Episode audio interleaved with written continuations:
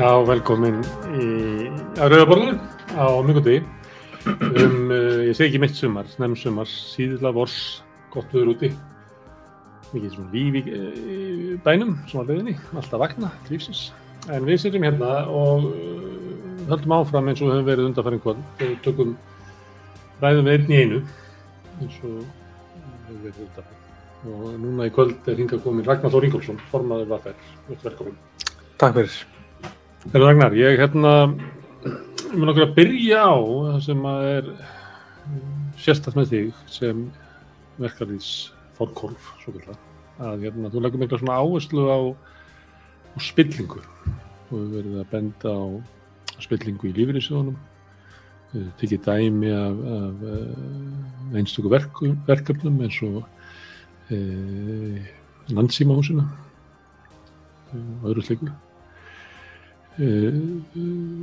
hvað hérna hvernig sér þetta fyrir þér? Hvað, þessi spilling sem að er er þetta tildekinn hópur sem hefur ítök í samfélaginu? Eða er þetta svona spilling samfélagsins þar sem að við erum með samfélag þar sem að er viðkjent og, og, og fólk settir sér við að þeir sem að fara með völd og, og taka ákvarðanir geta hyggla sjálfum sér og sínum vinum? Eða það virkar oft þannig þegar þú ert að lýsa þessu þetta, þetta er oft bara svona sami hópurinn sem þú ert að, að vísa á. Svona fólk sem að einhver leiti tengist. Hvernig upplifðu þú spillingu í íslensku samfélagi? Já uh, ég upplifðu þetta sem svona kultúr Mm. einhvern veginn. Og svona og kannski svona tvö form svona spillingar ég, ég er ekki sérfræðingur í spillingu en, en ég er sannlega áhuga maður um hana.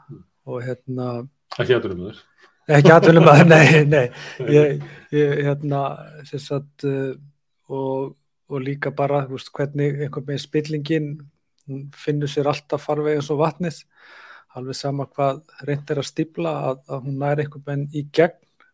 Hvernig sem að sko regluverkinu er snúið eða, eða, eða styrt eða girt fyrir að það er að spillingin hún er alltaf skrif undan. Og það sem ég kannski hefur verið að skoða er bara tvenns konar forma spillingu svona aðalega myndi ég segja svona uh, það er kannski þá bæði gerenda hliðin sá sem er að svíkja og bretta á kostna annara og síðan uh, meðvirknin vegna þess að sá sem veit af, af spillingunni, sá sem veit af, af uh, hérna, uh, því sem hefur misfarist en gerir ekkert með það og hilmir yfir að uh, ég myndi segja að það sé sínu verra form af spillingu heldur en sko sjálfur mm. þjófnaðurinn eða, eða hvað sem við getum kallaða og, og sem sagt ég var líka hópur út í samfélagi finnst óþægilegt að talaðu mynda Já, já, já, já, já. Þá bara finnst það óþægilegt að sé að verið að, að tala svona um samfélagið. Já, og, það sem kannski er svolítið aðeinsvert er, er, er að þetta er ofta bara illa falið og svona það þarf ekki að dusta neitt eða kroppa neitt rosalega djúft til þess að koma stað svona nokkurt veginn kjarnamálsins þegar maður er að skoða kannski einhver tiltekið mál eins og ég til dæmis skrifa um Lindarvatn eða landsýmarittin og uh, mér varst aðdeglisvertið það mál að þetta var mikið langlóka, ég kafaði svolítið djúft í þetta og síndi fram á það hvernig einstaklingar, vel tengdir einstaklingar í íslensku samfélagi uh, náðu að kroppa út úr eða, taka út úr almenningslutafélaginu Æslandir 900 miljónir og deildu sín á milli uh, bróðulega með því að láta almenningslutafélag kaupa verðlösa eign og, og þetta er rauninni bara eitt dæmi af mörgum. Þetta voru aðeins sem unnu hjá eða nálagt æslandir.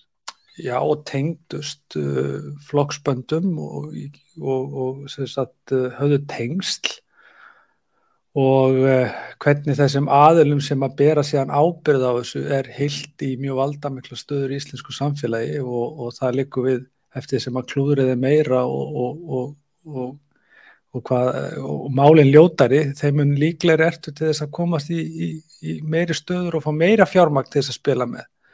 Og það er alveg ljósta að, að mikið af því sem ég verði að skoða núna, að það mun það mun verða veistla hjá þeim sem að fá að græða og svo framvegs og mér finnst til dæmis ótrúlegt að ég held, held ég hafi aldrei skrifa neitt sem að hefur verið deilt jafn víða og oft eins og til dæmis um lindarvatsmálið mm.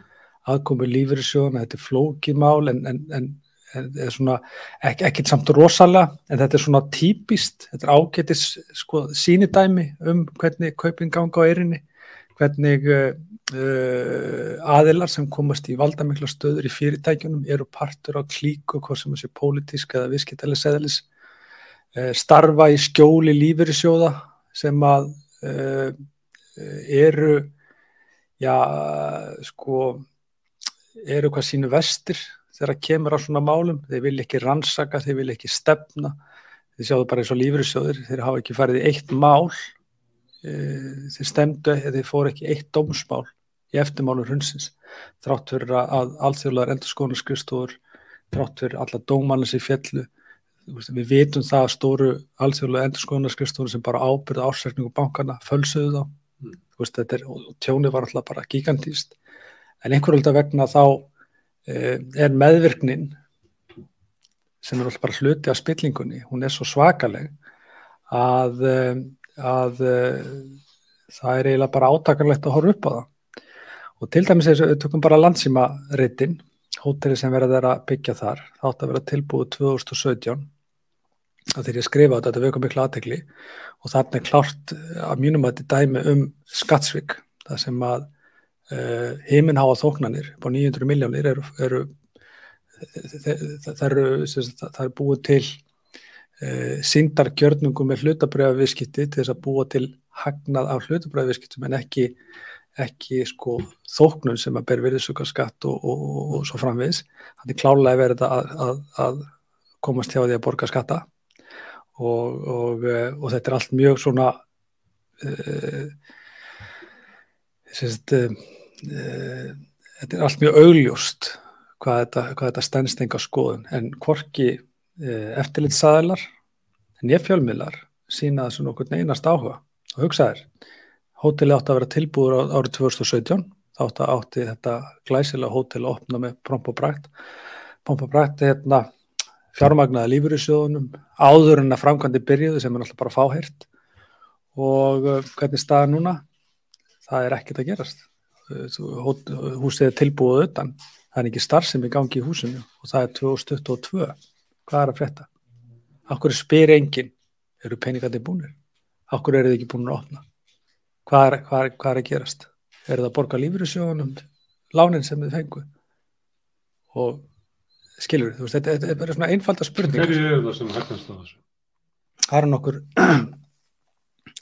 þessu komið fyrir í nokkrum eignaralsfélögum og, og fléttan er þannig að, að, að það er þarna ákveðinu hópur manna sem kemur á þessum viðskiptum með þetta verkefni og uh, uh, lóðinn og eignindar eru keftar á einhverju x verði.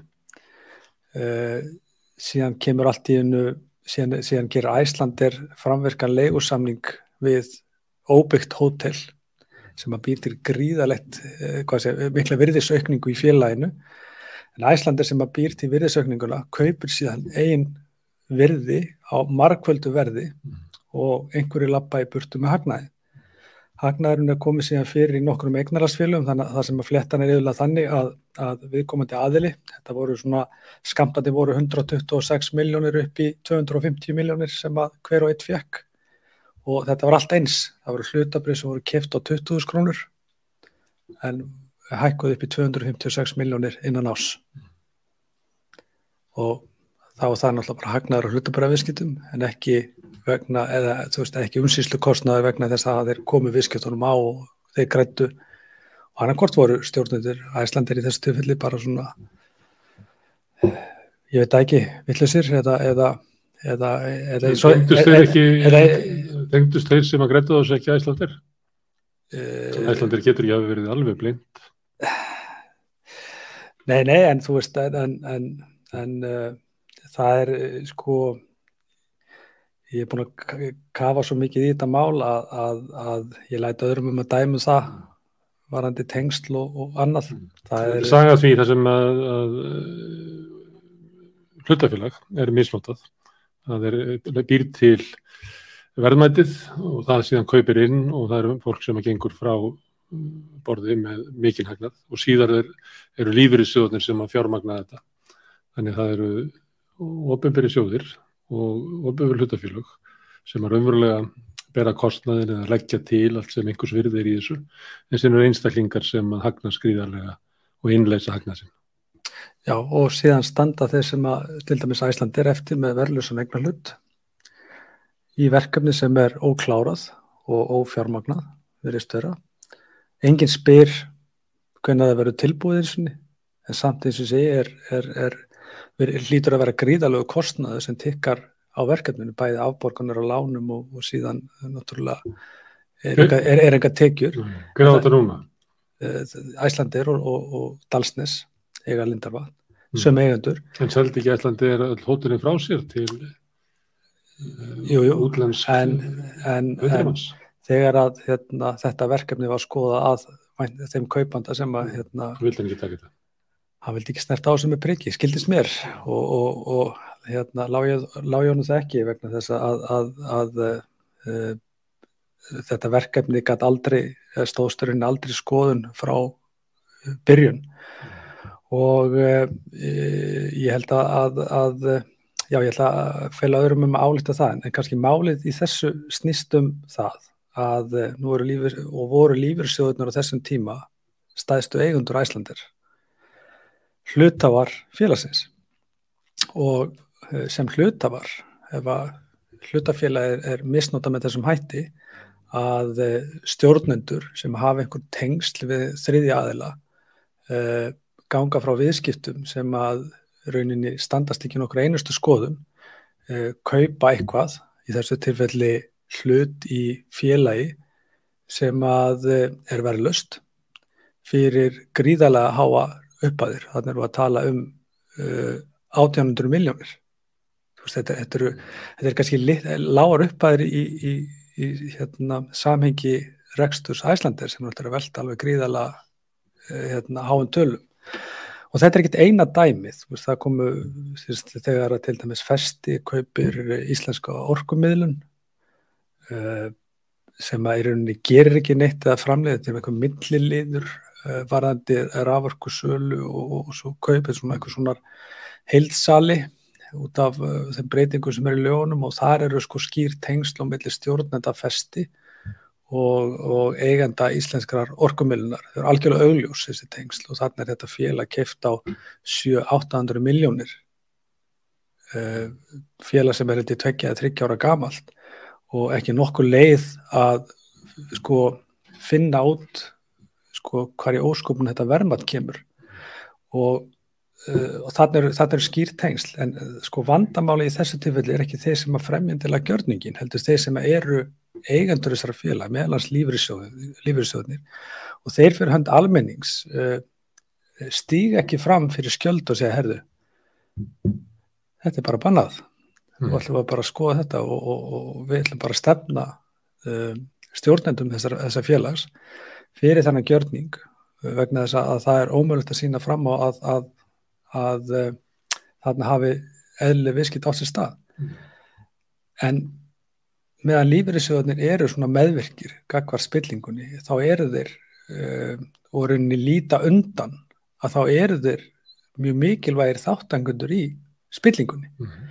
það sem að Þeir eru náttúrulega notaðir til Já, það, þeir, þeir vantala bera, bera, bera fyrir sig ákveðin orðspórs áhættu ég veit ég að vilja ekki fara í mál og, og svo leiðis, þetta var gert þegar að lífyrirsjóði voru í gjaldmiðla veðmálum í aðranda hrunsins, ég skrifaði mikið um það líka og það var algjörlega klart mál að þarna voru lögbrótin en það voru engum stjórnendum stemt, það var ekkert gert þarna voru hægt að, þarna hefði verið hægt að sækja sko 20 miljardar bætur á stjórnendatryggingar.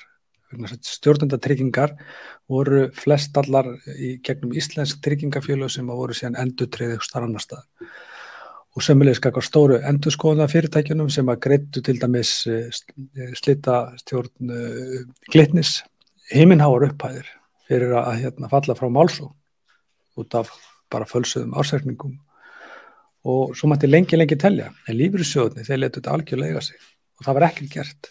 Og maður spyr sig uh, uh, þegar svona er í pottin búið og lífyrirsjóðni halda kannski á 60-70% hlut í, í, eða allavega meira hlut, meira hlut að hlut í flestum stæðstu fyrirtækjum landsins.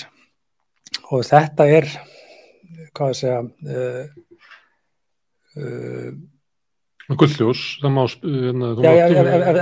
ofnisnóta sjóðina þeir gera ekkert í því. Ef þetta er, er viðþólfið það lappar ekki inn í líður og tekur pening. En, en ef þú kemst með minni hluta, hlutafjár og það er algjörlega stjórnum við fyrirtæki vegna þess að lífyrsjóðnir eru passífur og þeir eru mjög óvirkir eigandur og ekki bara óvirkir, þeir eru meðvirkir eigandur og eins og við sáum til dæmis með sölun á Mílu og Símanum til uh, tveggja stóra uh, verbreyðasjóða Ardian og, og Digital Colony. Og það uh, þannig er henni bara á, ákvörðun og algjörlega ráðandi ákvörðun mjög þröngshóp sem að fer með eitthvað um 16% hlutami minnir sem að eru stóðir en lífyrirsjóðunir fara með held ég 60-65% hluti, mannum trú ekki alveg tölunar mm. en, en þeim þetta er ekki eins og í hug að kalla eftir kalla til hlutafundar til þess að fá uh, upplýsingar um til dæmis hvernig stendur félagið og eftir. Uh, uh, fá upplýsingar um samningin sem að símið þarf að skuldbunda sig til þess að eiga viðskipti við mílu eftir viðskiptin. Er hann íþingjandi? Hefur hann áhrif á framtíðar ákomi félagsins og svo framvegs og svo framvegs? Þannig bara verið að, að taka út framtíðar hagnað símars sko, 20 ár fram í tíman og ómögulegt að segja skiluru hvaða áhrif þetta hefur á mm. rekstrastöðu. Þetta er ákvörðun sem hendar eh, sem hendar náttúrulega ákvörðunum sem ætla að vera þarna um skamma tíma Ajá. sem að lífyrirsjóður er ekki. Lífyrirsjóður hljóta að vera fjárfyrsta í símanum til mjög langs tíma.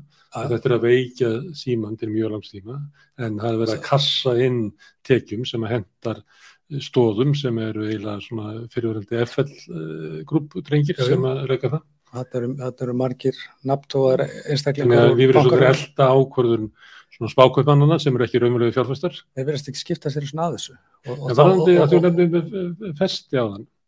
Þar koma einhverjir að ákvörðunni, það er stjórnana og það er forstjóri sem að leggur þetta til líklega fyrir stjórnina og það eru menn að taka ákvörðun. Einn af þeim, hann græðir persónulega á þessu. Hinn er hérna hvað? Láta, sko, finnst það af því að eins og þeir séu í sömu klíkunni að, að hann eigi bara að fá að njóta þess að, að geta hagnast svona uh, vel það sem að það eru, hvað sem er þetta er meira að minna fyrir lífrið sem er verið að leika með, eða hvað sko, hvernig taka með svona ákvarðan? Það er bara raunin tekin ákvörðun og þarna er til dæmis Bjarni Álmásson sem er, er hlutafi í Íslenska orkumilun og þá er þetta stjórnaformað þórum ár mm.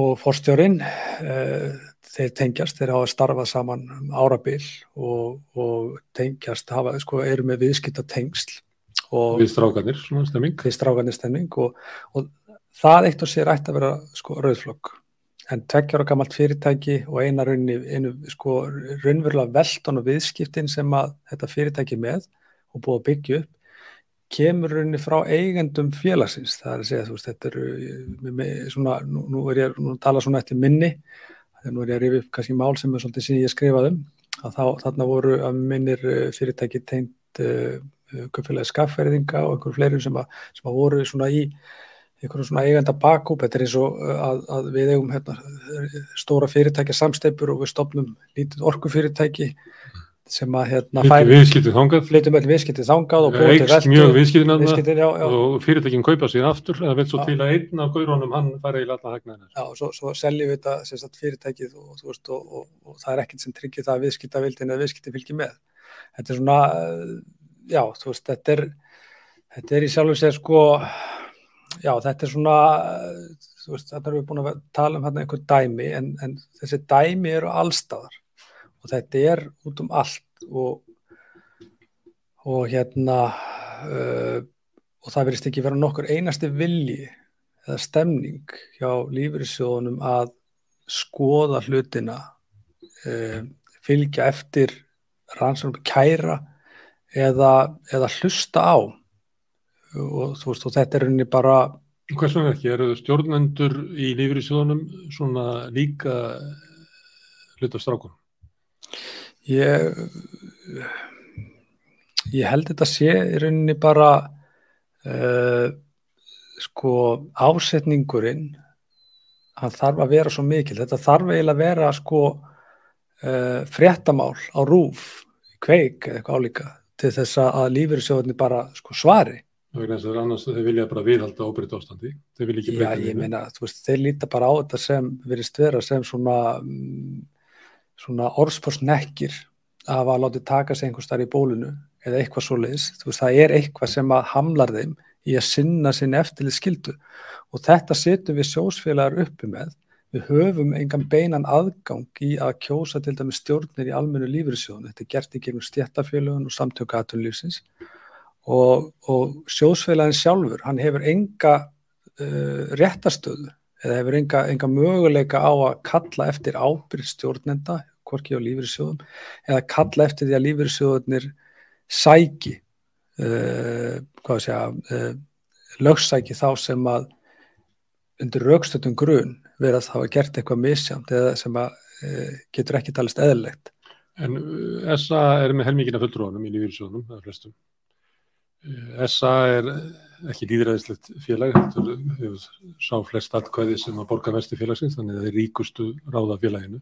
Þetta er ekki, þetta er ekki félag allra sem er í fyrirtækirekstri, þetta er bara fyrirtæki, félag og hagsmunna gæsla, allra stærstu eiganda, allra stærstu félagana og ríkustu fjárnáseiganda. Þau velja helmingin af stjórnumennum í lífriðsjónum. Er ekki líklegt að sá hluti þeirra sem eru í stjórnum lífyrirsöfana sem kom frá þessa séu svona hluti af hérna, við strákanir hófnum. Já, svolítið, en það tengjast mörg þessara mála emitt uh, uh, hópi fólks sem að verðist svona flakka á milli bæði fyrirtækja uh, og samtaka eins og til dæmis fyrir hætti Frankvæntastjóri Lindarvatn er nýráðin lögmaður viðskiptaráðs. Hann var í lögmaður eða í lögmannateimi Æslandir þessir líkistjórnendur sem að tengjast lindarvarsmálinu viðskjöldum við Æslandir þegar hafa verið síðan ráðnir yfir til ESA. Æsland er náttúrulega mjög stort fyrirtæki, mjög ráðandi innan ESA uh, og ESA er síðan aftur mjög ráðandi inn í lífriðsjóðakerfunu. Mm. Þar kom til dæmis mjög mikil þristingur á því að það er tekið þátt í hlutafjörðbóði og ekki bara það heldur, heldur sko það sem vart ótrúlegt sem að held ég að uh, fólk átt að sátt ekki á sko hversu langt er gengið til þess að, að komast í þessa lífyrirsjóð okkar. Að það, til dæmis fyrir hlutafjár útbóðið í Æslandir að þá e, fyrir lagabreitingi gegnum þingið til þess að liðka fyrir þáttöku lífyrirsjóða í hlutafjár útbóðinu og þetta er náttúrulega gamlega lögum þeir mátti ekki taka þátt í. Nei, að því að hérna og áhættu svona fjárfesting eða hvað? Þetta var hérna skal ég segja þeir uh,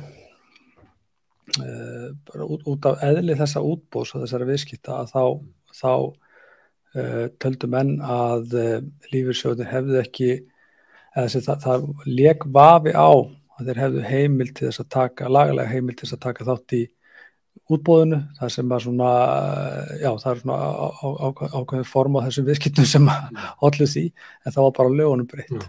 Stjórnmála armur SA, getur við sagt, sjálfstæðarflokkurinn hefur staðið fyrir því. Já, allavega eins og sé, hann, hann breytir ekki lögum einn, en, en, en sem sagt en hann þarf náttúrulega væntalega sína meðflokka til þess að klára það, en, en það skiptir engum málu hvað þú bendir á að uh, þú nærð engu í gegn í hjá lífyrsjóðan, þú veist, það er Engu breytingum? Nei, það, þetta er svona uh, uh, ég, ég er búin að reyna að fara að báða leiðir. Ég hef talað mikið fyrir því að lífyrsjóðu komi á fjárfyrsti til dæmis í innviðum eins og húsnæði, uppbygging og hjókurunaheimilum eins og flest allir lífyrsjóður í Evrópu gera.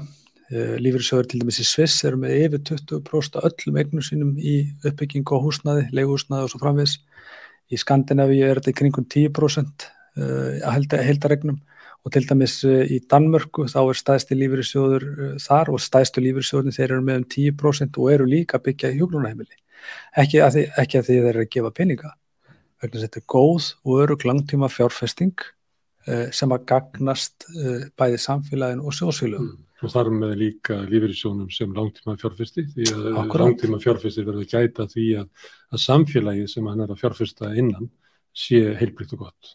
Og líka það að það er mikill ávinningur í því að fólk hafa aðgang á örugu og hagkvæmu húsnaði sem er náttúrulega hluti af, uh, segja, góðum kjörum og, og lífskjörum okkar til framtíðar, ekki bara núna, heldur bara alla æfina, að, veist, að hafa aðgang á örugu, hagkvæmu og góðu húsnaði uh, og þetta skilja lífeyrissjóðunir úti. Og þeir skilja þetta með þess að það vel að, að, að nýjir eigundur heimstaðin eða komulega heimavalla eru sagt, til helminga norskur auðkífingur og sænskir lífeyrissjóður. Mm. Uh, en íslenski lífeyrissjóður vil ekki snerta á sem er priggi. Þeir eru tilbúinu til þess að fjárfesta í, í reygin og okkur um svona uh, félögum sem eru uh, eiga fleiri þúsund fermetra á tómu yðnar og atvinnuhúsnaði en hafa aldrei viljað koma inn á þennan marka. En þeir eru alltaf tilbúinu til þess að uh, líta undan uh, með að verið þeirra svindla á þeim og, og bara þjóðinni og okkur sjóðsfélögum í einhverjum svona flettum inn í hlutafélögum það sem eru algjörlega óvirkir eigandur. Hverju svara lífeyrissjóðunir þegar þú byður þá um að fjárfesta íbúður úsnaði eða hjúgrunheiminu? Það er misjant. Mér finnst reyndar við þóru að hafa brestelins betra en uh, uh, fyrstu árin var það orðspórs áhætta. Sem er hver? Hún er náttúrulega engin, þú þarf náttúrulega að hafa orðspór til þess að... að- Hvað, að- hvað segja þeir? Að, að- hvernig geti orðspor lífeyrissjóðuna versnað ef að þeir myndu byggja upp uh, hérna, leigufélag? Já, sko, það er alltaf fyrst og fremst að, að, að vera uh, hluti af uh, sem eigendur að uh, það getur falið í sér orðspórsáættu að þurfa að henda einhverjum út og reka úr íbúðin eða borgar ekki. Og, Þeir fjárfesta í tryggingafélagi sem að neytar að borga mér tryggingar. já, já, og sem leist líka uh, uh, veldur því að fólk jafnveg þarf að Þeir fjárfesta í böngum sem að, elda, elda, elda slísabætur þeir sko fjárfesta í böngum sem að taka íbúður af fólki. Já, já, já, og þeir ganga sjálfur mjög harkalega gagvart fólki sem að stendur ekki skilum eða, eða ábyrðamönnum sem að hjá fólki eða, eða nátengdum fjölskyldumölum sem að hafa lent í vandraðum og veira sér, veira sér ekki við því. Ég, ég, ætla ekki alveg ekki allir lífriðsjóður en veira sér ekki við því að, að, að, að selja vona fólki. Þetta eru gríðala ganga gríðala hart fram. En síðan oft á tíðum og ég hef mörg dæmi þess uh, og myndi ekki tala um þetta svona nema að geta sannað það sko með fjöldamörgum dæmum. En síðan aftur á móti hefur eftirgjöfin varðandi eh, sé fyrirtæki ef illa gengur eða, eða eh, eh, fyrirtæki þurfa að fá eitthvað afskrifað eða þarf eitthvað svona víla og díla þá er nú yfirleitt annað upp á teiningnum þetta hefur reyndar hefur þetta viðþorf og þetta uh, þessi hróki og þetta yfirlæti stjórnenda gagvart sjóðsfélugum það hefur örlítið lagast. Ég skal alveg gefa þeim það. Þetta hefur lagast. En það hefur ekkert breyst. Þetta er sama eins og þegar kemur upp Þú þetta færði ekki jafn hrókafullt nei en þú færði samt nei. já, allir, já, allir er ekki þannig. Eins og, breytir einhvers svona. Já, eins og, eins og, eins og þegar þetta hérna, umurlega mál og hrikalega mál kemur með Vítalíu. Potta uh, málið. Að þar tengdust náttúrulega eh, stjórnaformaður festis. Og lífyrirsjóðnir hafðu vitneski um uh, að hann var viðriði málið og hafðu vitneski um alvarleika þess og, og en það var og ég bara veit það sjálfur það var hérna það átti ekkert að gera í þessu nema að kæmi í fjölmjölum Hann satt í raumurlega í skjóli lífeyrissjóðuna í festi sem eiga langt yfir helmingin af festi lífeyrissjóðunir. ég held þessi nær 70% en heldur en 60 en þú, skilur að þú veist að, að þarna sko uh, uh, verðist uh, einhver verið einhver svona ó, óskráð stefna að gera ekkit í málunum nema það komist upp og gera ekkit í, gera ekkit í neinum málum sem komast upp nema þau komist upp og verði að fjölmjölamáli Mm. þá gerum við Fjölmjölamáli í kveik eða rúf, það sé ekki ná að stundi skrifa um það. Nei, nei, nei, nei, nei. það er, það verið, en, en það, en það sko, uh, já, þetta er bara kultúrin og þú veist, og, þú veist þó, við getum talað um lindarvassmáli, við getum talað um íslenska orkummiðlun, við getum talað um miklu stærri mál sem eru nær okkur í tíma eins og þegar að eh, bakkavör var seld, uh, bakkavör á bræðurum aftur og uh, það er allt sem að öskrar á það að lífyrirsjóðin hafi verið plataðir og það hafi verið markur í misunni í þeim viðskiptum. Það er ekki til þess að kanna það. Nei, það er ekki, ein, það er ekki eins og kannan og, og, og þarna, þarna voru vor, vor einhver 800 miljónir undir eða, eða 100 miljónir eða 1 miljardur þarna varu 50-60 miljardar undir 50-60 miljardar sem þeir urðu af e, til bræðrana mm. og gerðu þá einum ríkustu mönnum brellast á þeim tíma mm. og, og já, þetta mál, gjaldmiðla braski fyrir hrun Eh, öll hrunmálin. Þetta er ekkit bara bankarhrunið, þetta eru fullt af mánu sem hafa komið upp eftir hrun sem að orka mjög tímanis.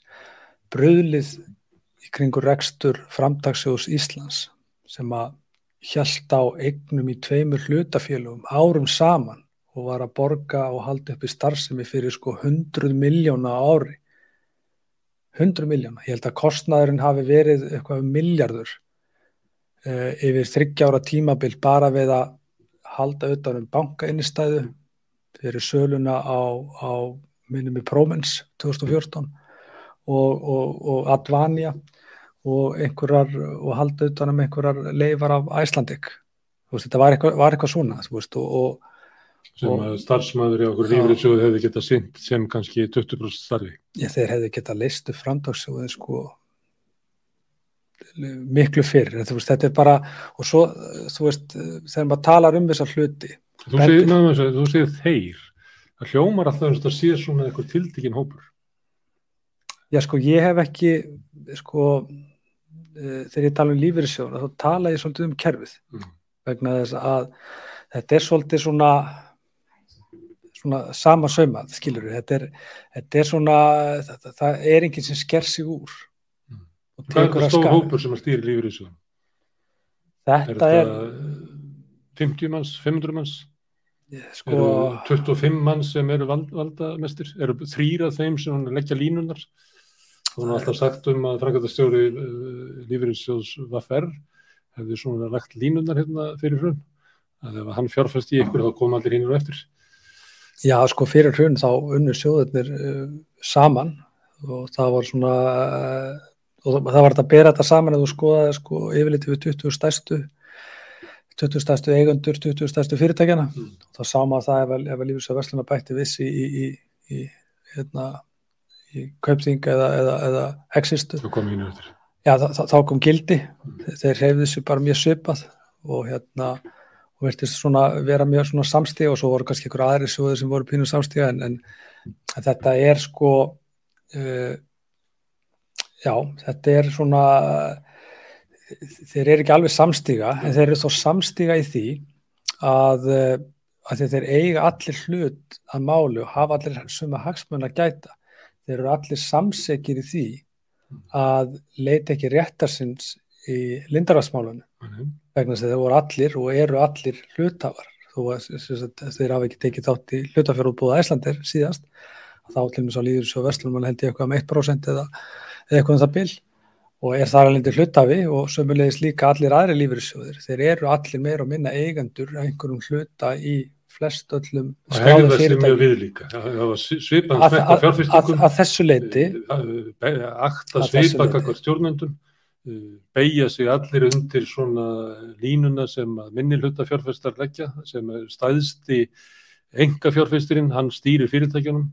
Að sumuleiti þá akta lífriðsjóðin allir eins, þess að við erum að spyrja þá er sko, taka svona lífriðsjóða heimin á Íslandi hvað er það svona stór hópur sem að þú mútti segja að væri svona valdamestu menninir á baku lífriðsjóða Þetta eru svona þetta eru svona tíu frangværtastjóru sem ég myndi segja að væru mjög sterkir að henni Ég tók þetta saman, held að þetta séu 96 eh, stjórnendur, eða það sé að sko frangværtastjóru og stjórnamenn í lífriðsjóðakerfinu. Þeir eru tefla 20 sem eru svona virkir í dag, voru 96 þegar mest létt á sín tíma og sem er alltaf mjög gott að þeim hafi fækkað.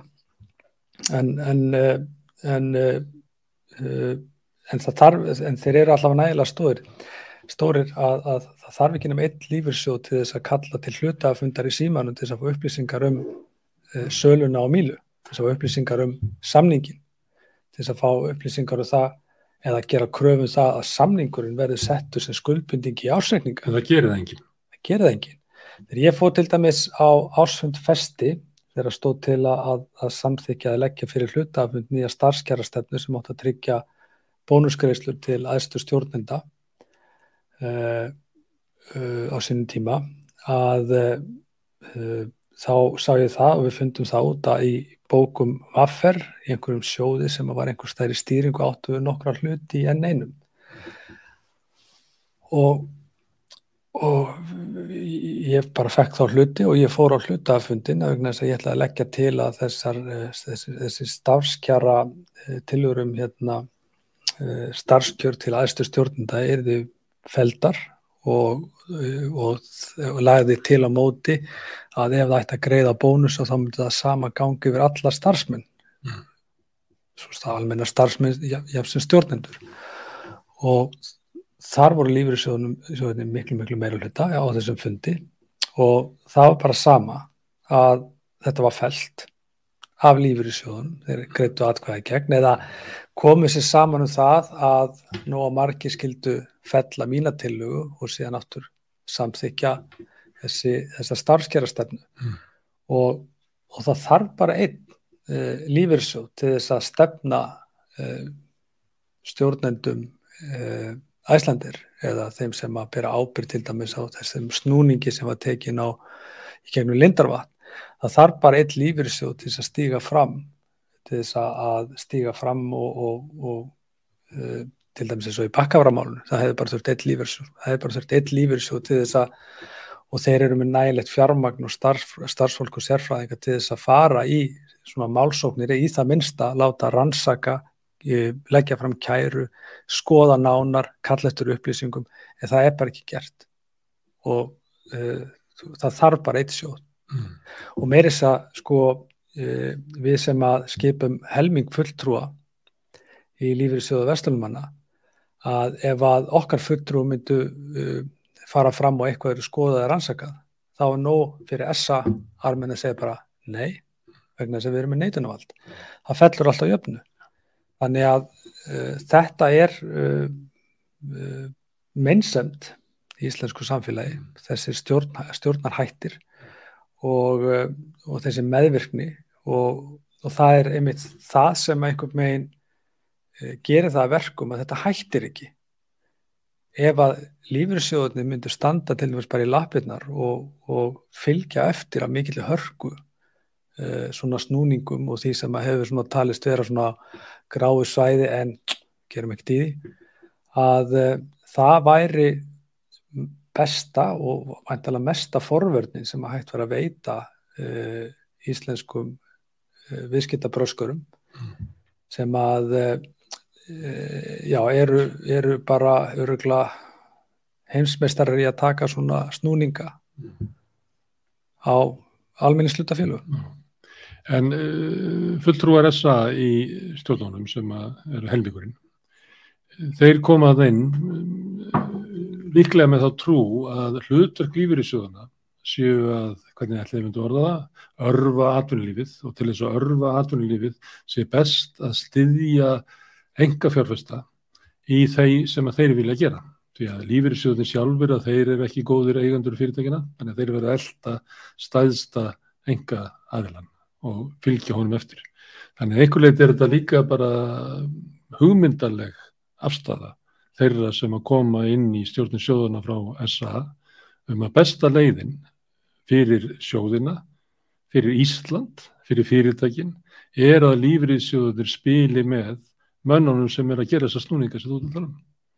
Já og, og þetta er sett upp sem eitthvað svona göfug markmið. Já. Þetta er sett upp þannig að við eigum að vera óháðir mm. Þú veist, við hefum þú veist, alltaf verið að tala um að það er svo gott að vera óháður mm. og hérna síðan eru sett upp tilnefninganemdir til þess að velja fyrir hönd lífur svona nóga óháða einstaklinga mm. þannig að allt verið nóga óháð og ótengt og eitthvað svo leis þegar þetta raunverulega þýðir að uh, þú ert að færa gríðaleg völd á silfurfati til uh, þeirra sem eru í miklu minni hluta og þurfa eftir sem lífeyrissjóðinni stækka þá þarftu minni minni hlut í félaginu til þess að vera algjörlega ráðandi. Sjáum bara eins og til dæmis í emskip þegar að Það er nú stóri, eða stæðsti engaðilinn þó nokkuð stór. jú, Það að- er heldur já, í festi eða í, í, í dag, já, sín eða... í dag en, en þe- þegar að sko fyrirtækið uh, framdi líklega einn, einn alvarlegasta umhverfisklæp uh, Íslandsögunar með förgun uh, skipa og stjórnendu vissu nákvæmlega hvað klukkan sló í þeim efnum ég held að, ég held að sé engin vafum það en þá voru lífyrirsjóðunir í meirhluta Mm. og hvað var gert? Verður einhverja breytingar á stjórninni? Verður einhverja afleðingar? Mm. Engar. Það var ekkert gert. Það verður engar afleðingar. Og það er ekki eins og þetta sé einhver eitt veist, Þetta eru kannski já, öruglega 15 pluss lífyrirsjóður sem eiga hluti í þessu félagi og hafa svona möguleika og, og vald í raunni til þess að breyðast við eða kalla eftir breytingum. Og meiri segja að þú veist þessi allra stæðstu þeir eru rauninni eru í mjög ráðandi stöðu eða þeir bara beita sér, en þeir bara gera það ekki. Og þetta er meiri háttar vandamál í íslensku samfélagi. Og og ég held að sko eh, fyrir mig sem sjóðsfélag ég hef eh, sko ég, ég, ég fór ég, ég kafaði mjög langt með í hérna í, í, í gjalderi samningana sem lífriðsjóðinni voru að gera fyrir hrun og mér þess að rannsóknarskísla alþingis og mér þess að rannsóknarskíslan sem lífriðsjóðinni gerðu sjálfur, þeir vildi ekki alþingi rannsakaða lífriðsjóðina og hlutur þeirra í, í bankarhrunin og eftirmálun þess. Að, að þeir fengu rauninni alþingi ofan að því að stopna sérstakar rannsóknarnemnd fyrir lífriðsjóðina heldur fengu að rannsaka sér sjálfur Já. og meiri segja í þessari sjálfskoðun þeirra og rannsóknarskíslu alþingis að þá kom alveg fram að þessir, þessir gjaldmiðla samningar voru kól ólulir bara kól ólulir þeir áttu þarna uh, sko um svo, já bara ég held að lífriðsjóða Vestlamina hafi verið með 90 já, hvað, uh, 37% minni með á heldar eignum í, í, sagt, í erlendum eignum. Og, og lífriðsjóða kerfið þetta voru ævinterlegar upphæðir en þeir hetsuðu öllum erlendu eignunum sínum með að gera skamtíma gjaldmiðlasamninga uh, á meðan uh, mótaðilinn bankarnir og eigendur þeirra tóku stöðu á mótiðum og gegn krónunni Það er orðað þannig að lífriðsjóðinni fjármögnuðu fjárflotta auðu Íslendinga út úr landinu. nákvæmlega sem að var til þess að fóru í aflandsegnunar sem að síðan uh, sumuleiti komu hinga tilbaka með góðum afslætti. Já, og, og, og gerði það verkum að, að stórir eigendur uh, bankana eins og Ólafur Ólafsson og tengdir aðilar gáttu tekið gríðastóra sko, stöðu gegn íslensku krónunni Mm. og gegn íslensku samfélagi vegna þess að stöðu taka þeirra gegn uh, lífriðsjóðunum og bara þjóðinu allri og var, var sko á skala sem var langt umfram það, eh, sko, þeirra skuldbyttinga í erlendri mynd. Mm. Þetta var bara, þetta, þetta var, og þetta hefur komið í ljós. Menninir sem að, að urðu valdir af hruninu þeir veðjuðu stórkostlega á hrunið og stórgreita því. tóku stöðu gegn íslensku krónunni langt umfram skuldbindingar þeirra sem þýtti það að þeir voru að taka þetta stöðu gegn e, heilu samfélagi, heilu þjóð og notuðu síðan uh, sé, hagnaðinn af þessum samningum til þess að skulda jafna uh, skuldir þeirra og til þess að geta tryggt það að uh, halda eftir þeim eignum sem þau þó fengu að halda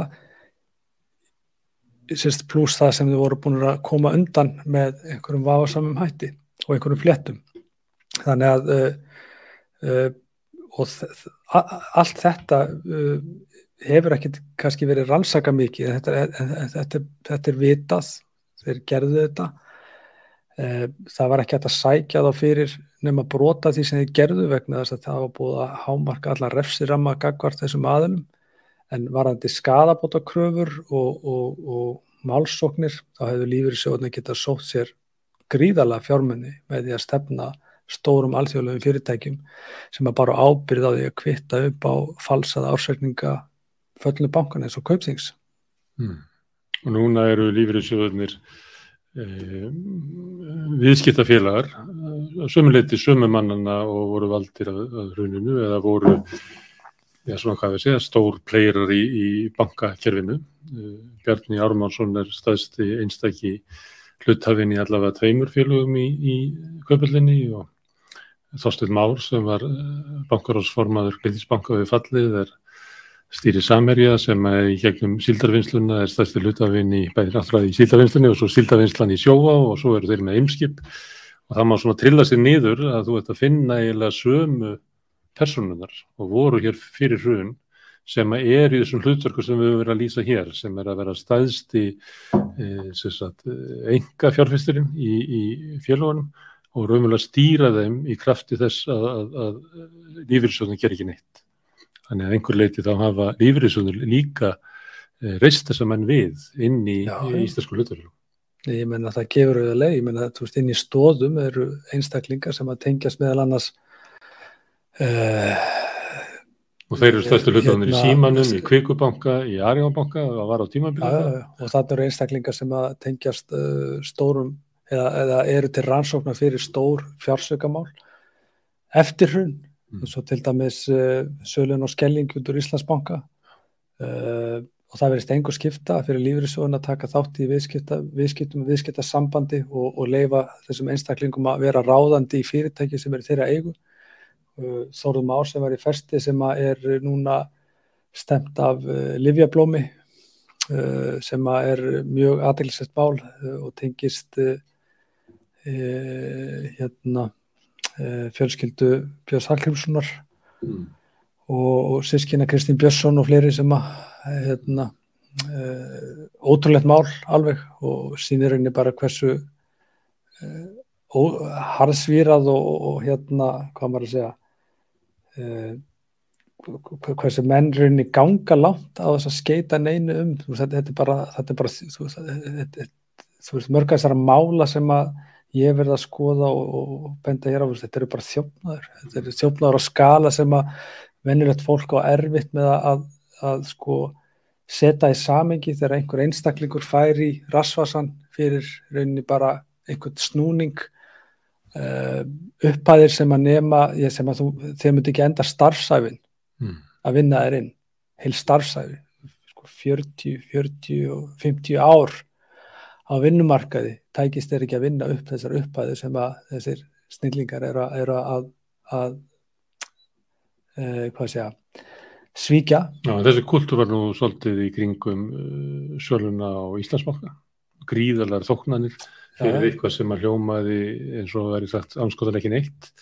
Bara að ringja í, í viðskiptavinni sína eða senda þeim talvupúst og spyrja hvort þau vildu vera með í því að, að kaupa hlutabrjöf almennings í Íslandsbanka á undirveri þetta er náttúrulega ekki, þetta er ekki vinna þetta er, þetta hefur en ríki greiti hundruðu miljóna fyrir þetta viðvík en þetta eru smáurar með við það sem að gengur og gerist. Og ég er bara að þetta að vera í sami kultúr já, þetta er sami kultúr mm. en, en þú veist og uh, já, og þetta er eins og séð þetta er uh, með hvað ég hef beitt mér í mörgum málum og beitt mér fyrir því að það verði skoðuð og rannsökuð, ég reyndi að að, að uh, Uh, ég fekk hérna uh, góða lögmenn með mér og, og, og nokkra sérfræðinga vegna þess að ég ætlaði að, að fara sjálfur í, í málsók gegn uh, stjórnundu lífriðsjóðuna út af gjaldmeila samningunum fyrir hrjón, mm. þar voru miljardtýr undir.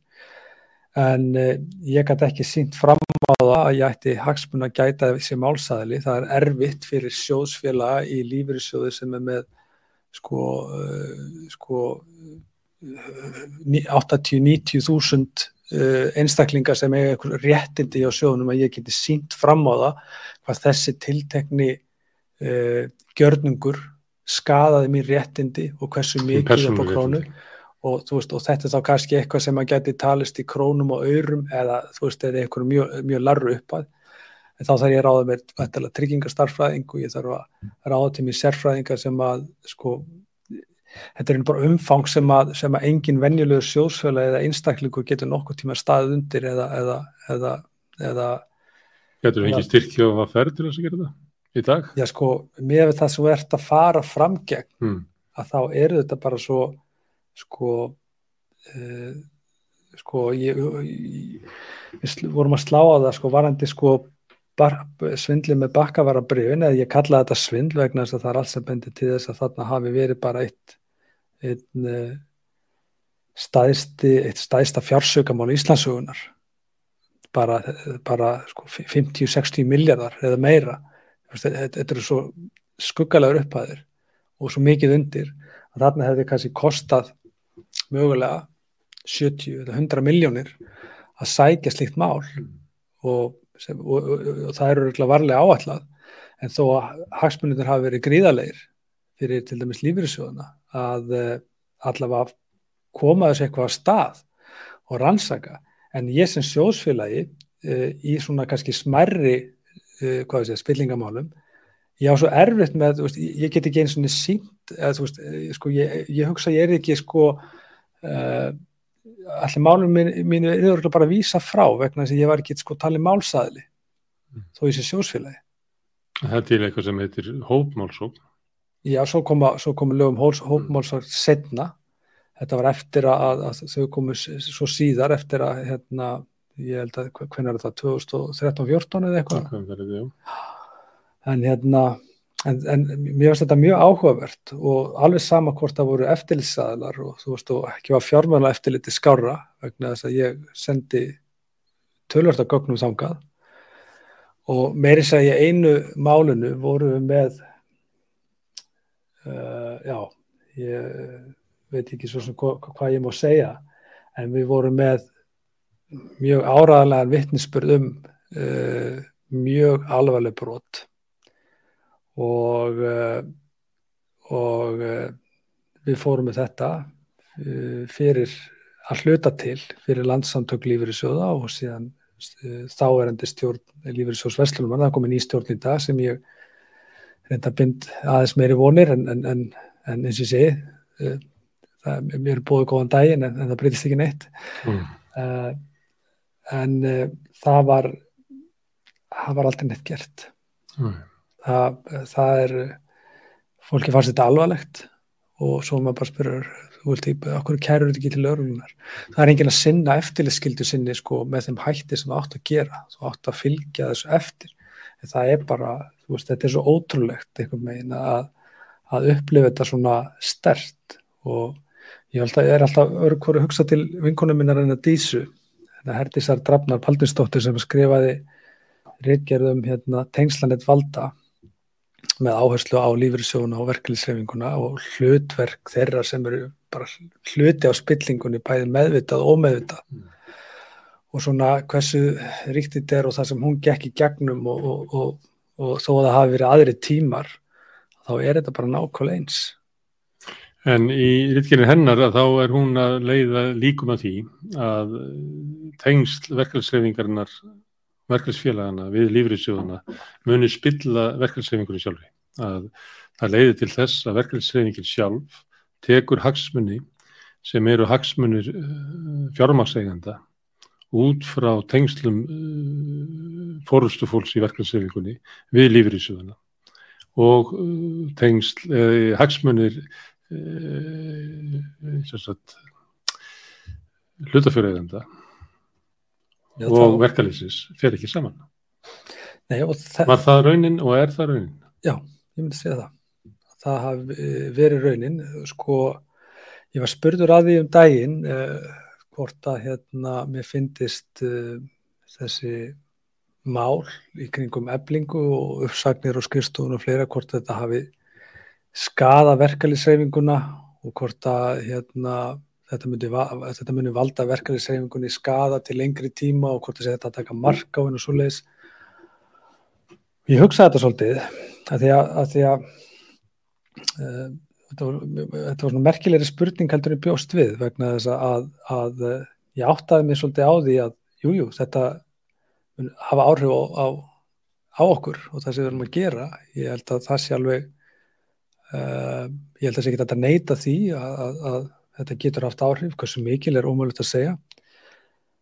En, en ekkit í líkingu við uh, skadan sem ég myndi segja að aðgerða leysi og svona einmitt þessi tengsl verkefælisreifingarna við fjármagnið í gegnum lífyrirsjóðuna hefur lamað og veikt reyfinguna uh, síðustu ára tí sem að hefur uh, mögulega uh, valdið verkefælisreifingunni og verkefælisbaróttunni meiri skada heldur en nokkuð annað í sögur reyfingarnar vegna þess að við erum, að, við erum með kynnslóður af fólki sem að hefur aldrei farið í verkvöld það veit ekki hvað þessi réttindi koma það verður aldrei fundið neina samhljóð með tengingu við verkefliðsreifinguna uh, eh, og þeir sem að höfðu þessa tengingu mistu algjörlega trú á henni þú veist, hún bara slitnaði og, og verkefliðsreifingunni var sama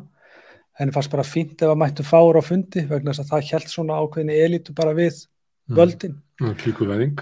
Klíkuvæðing og allt snýrist um að byggja upp sjóði, lífyrirsjóði og komast í einhverja bytlinga, jú, klára kjærasamlinga en alltaf einhverjum forsöndu sem styrist að einhverjum svona valdastruktúr sem átti síðan að ná einhverju hámarki með einhvers konar uh, norrænu módeli þar sem að vægi allþjóðsambansins átt að verða alveg gríðarlega mikið og ákveða hvað væri til skiptana fyrir samfélagið og við myndum síðan skipta því. Megnið því sem þú ert að lýsa þarna gæti alveg hafa gerst án tengsla verkefnsleifingarinnar við lífyrirsuguna.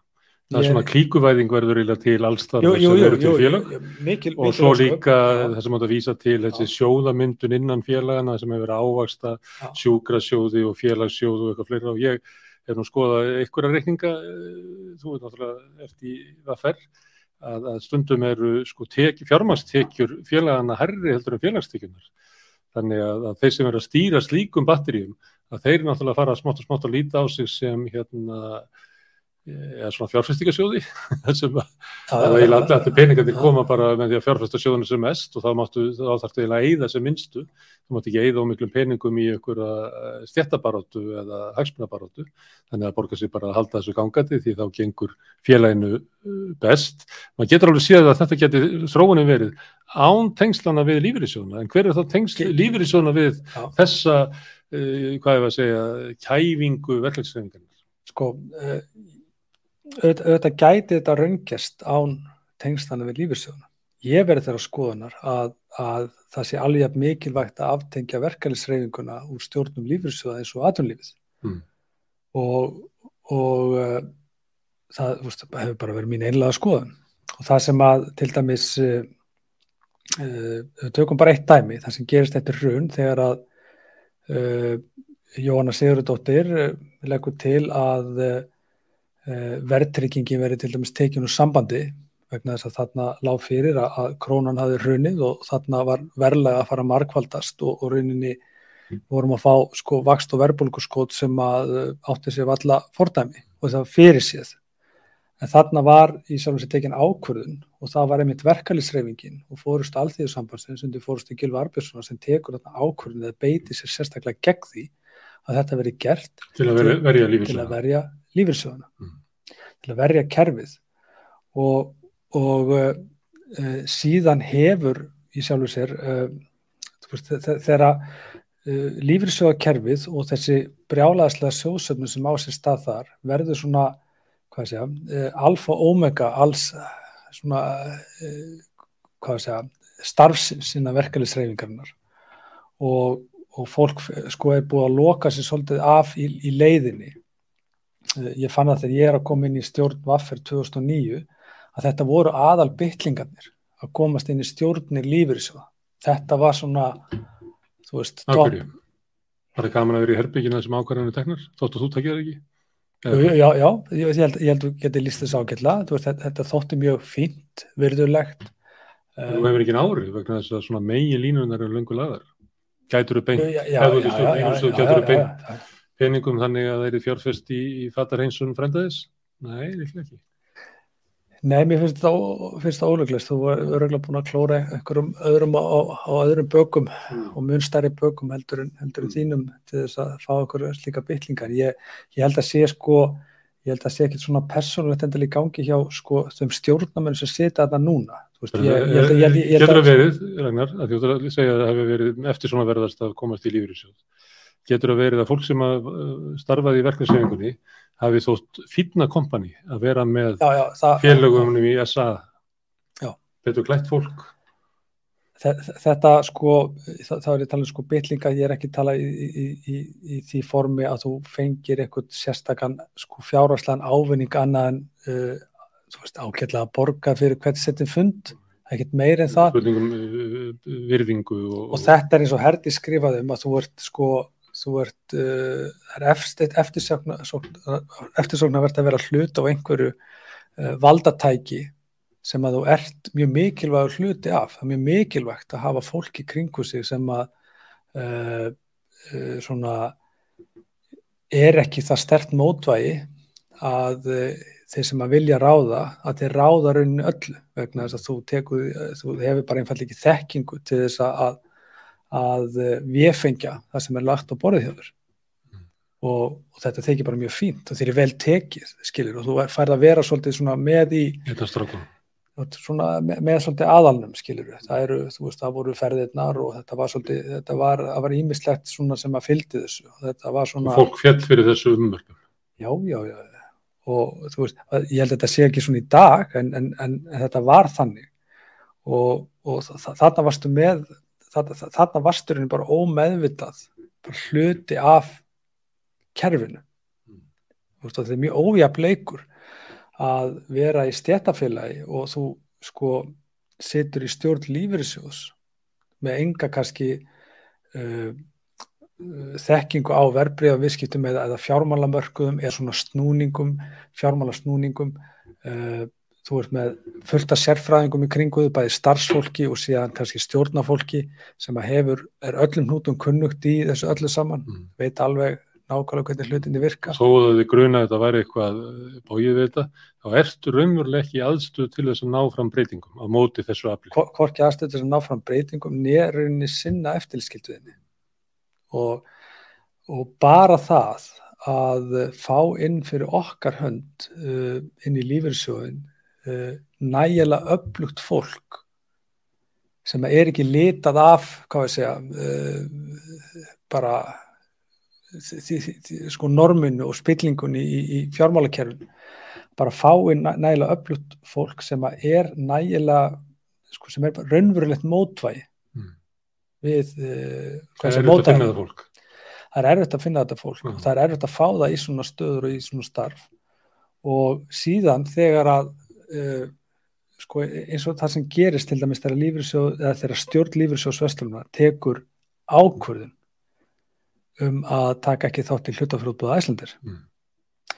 það er vegna þess að verkefælisarmurinn okkar uh, tók ákvörðun að vel íkvörðunduðu máli, það verði engin fjárfesting fyrir skoðu svona mikið, tók bara mjög upplýst ákvörðun um það áhægt að væri einfall og mikil í að taka þátt í þessu hlutafrútbúði að væri bara betur, peningunum verið betur var að fjárfestingus að landstar og þannig fjall þessi fjall þetta mál á jöfnu þar sem að fjöldi mála hefur fallið á jöfnu á hinvegin mm -hmm.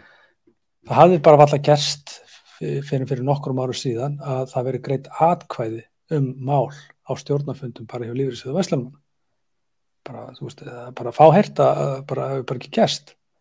En þetta fór að gerast þegar við fórum að gefa þessu meiri góðum og þegar að okkar stjórnafólk bara eftir bestu samversku tekur þessa ákvörðun það fer allt á hliðina í samfélagin mm. það var allt brjálað.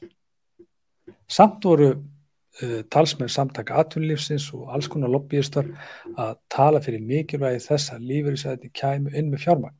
Meirins að fyrirverðandi stjórnaforma að lífeyrisjós Vestlunum var Guðrun Hásteinsdóttir, nú var þetta þingmaður sjálfstæðarslóðins Eh, sem var stjórnaformað lífriðsjósins, með þess að talaði fyrir því að það var nextast á verkefælisreifingunni að, að, eh, að vera á móti því að það er fjárfæst í Æslandir og, og hvað er til þess að, að það, veist, þess að verja störf sem að lífriðsjóðum er bara algjörlega óheimilt að gera að fjárfæsta í fyrirtæki til þess að verja störf. Þeir, þeir hafa bara mjög skýrar krítarjur að vinna eftir.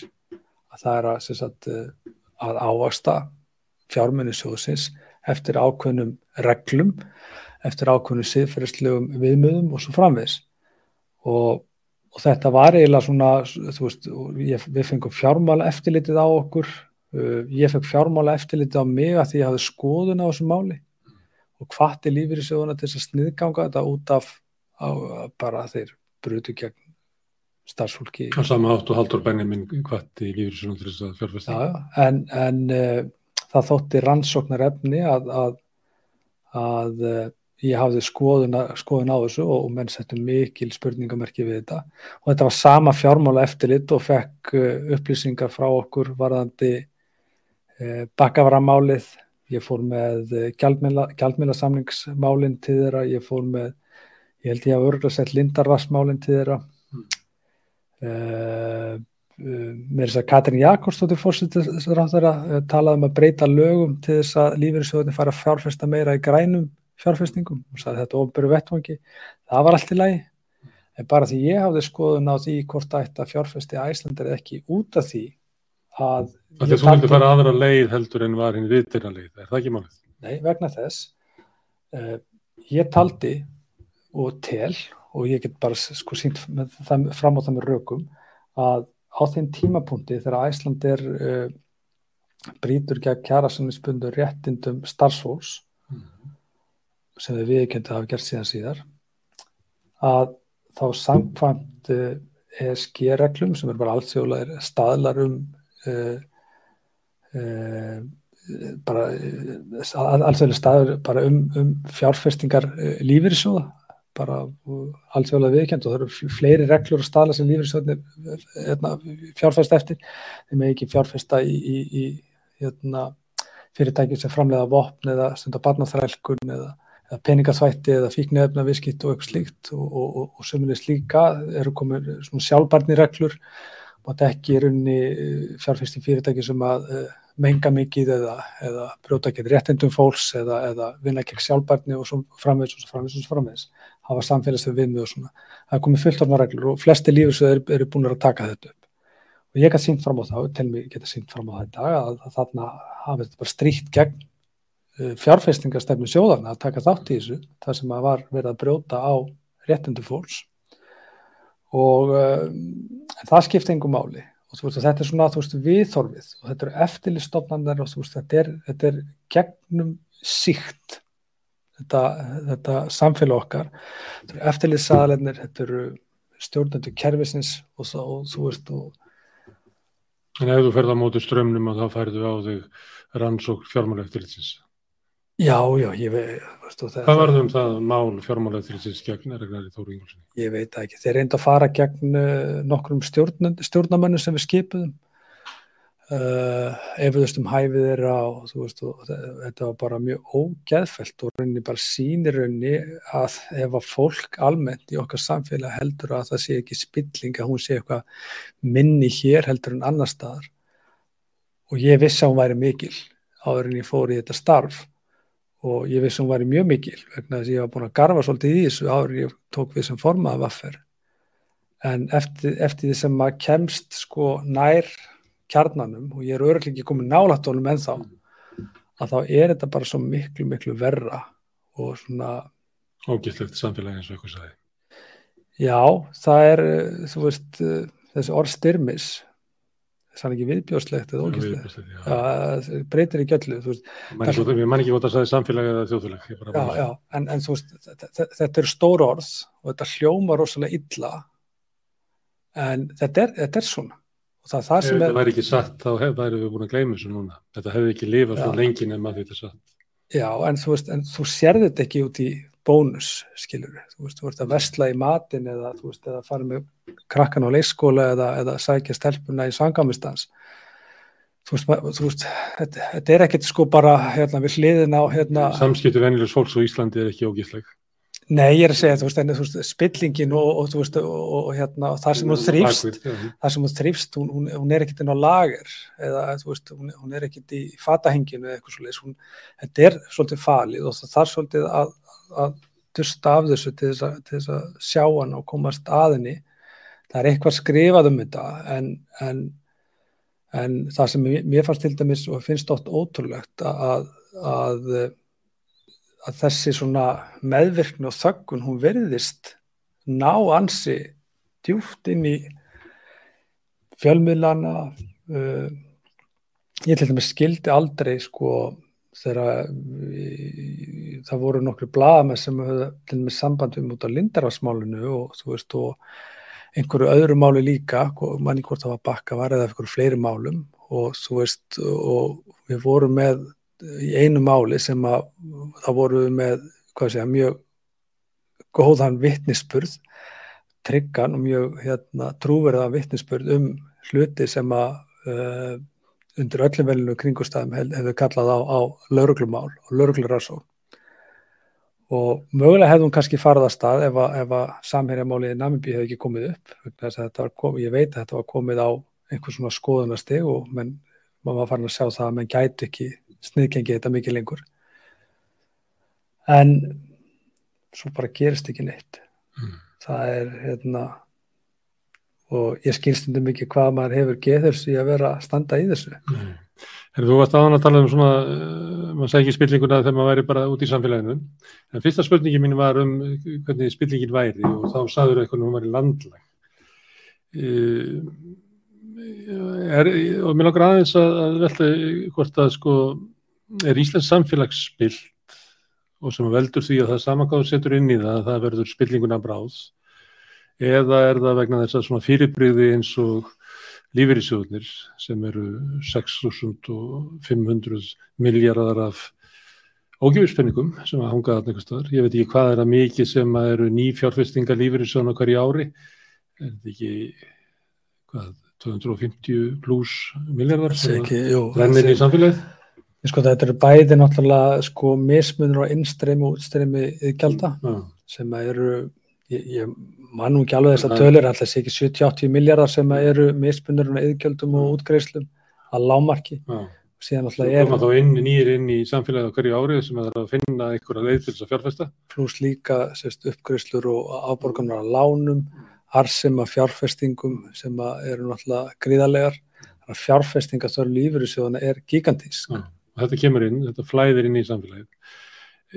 Er þetta kvatið að spillingu? Og við þekkjum það alveg út um allan heim að hérna það eru dæmi um þegar svona halvopið sjóðir eru breytt reglur í kringum og, og komast einhvern veginn í það, braskarnir komast í það sefingan lóns í bandaríkunum sem að bara hörfu.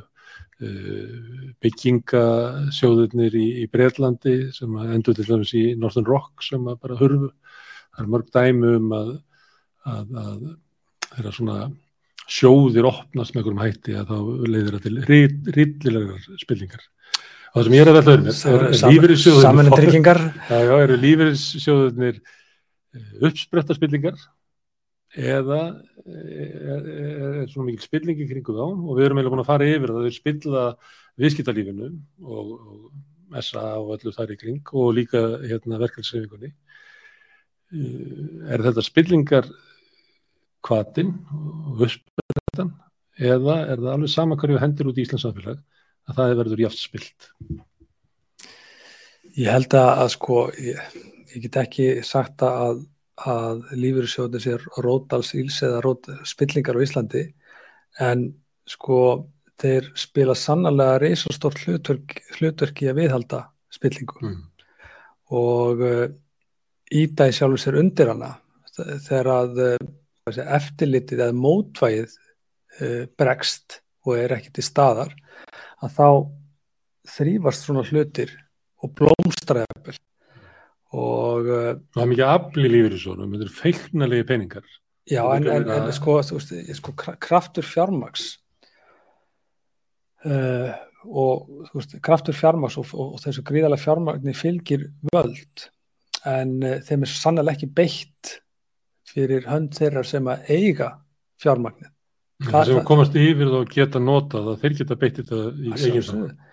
Þessir fjármunir til dæmis í dag, þeir eru, uh, þeir gagnast mest þeim sem að, uh, gagnast mest valdsækni þeirra sem að, sem að koma inn til dæmis, tryggja uh, uh hvað segja, þekktum personum á leikundum til dæmis og bankarhönnu, þessi fjármunir íta undir og auka völd þessara einstaklinga í íslensku vískittalegi og er á góðri leið með að, að hjálpa þeim að ná fyrir styrk og vantanlega fyrra viðskipta siðferði og þar fram til gödunum að því að, að siðferði mun ekki breytast hjá þessu fólki og þessum mönnu sem að setja hér alltaf hliðina.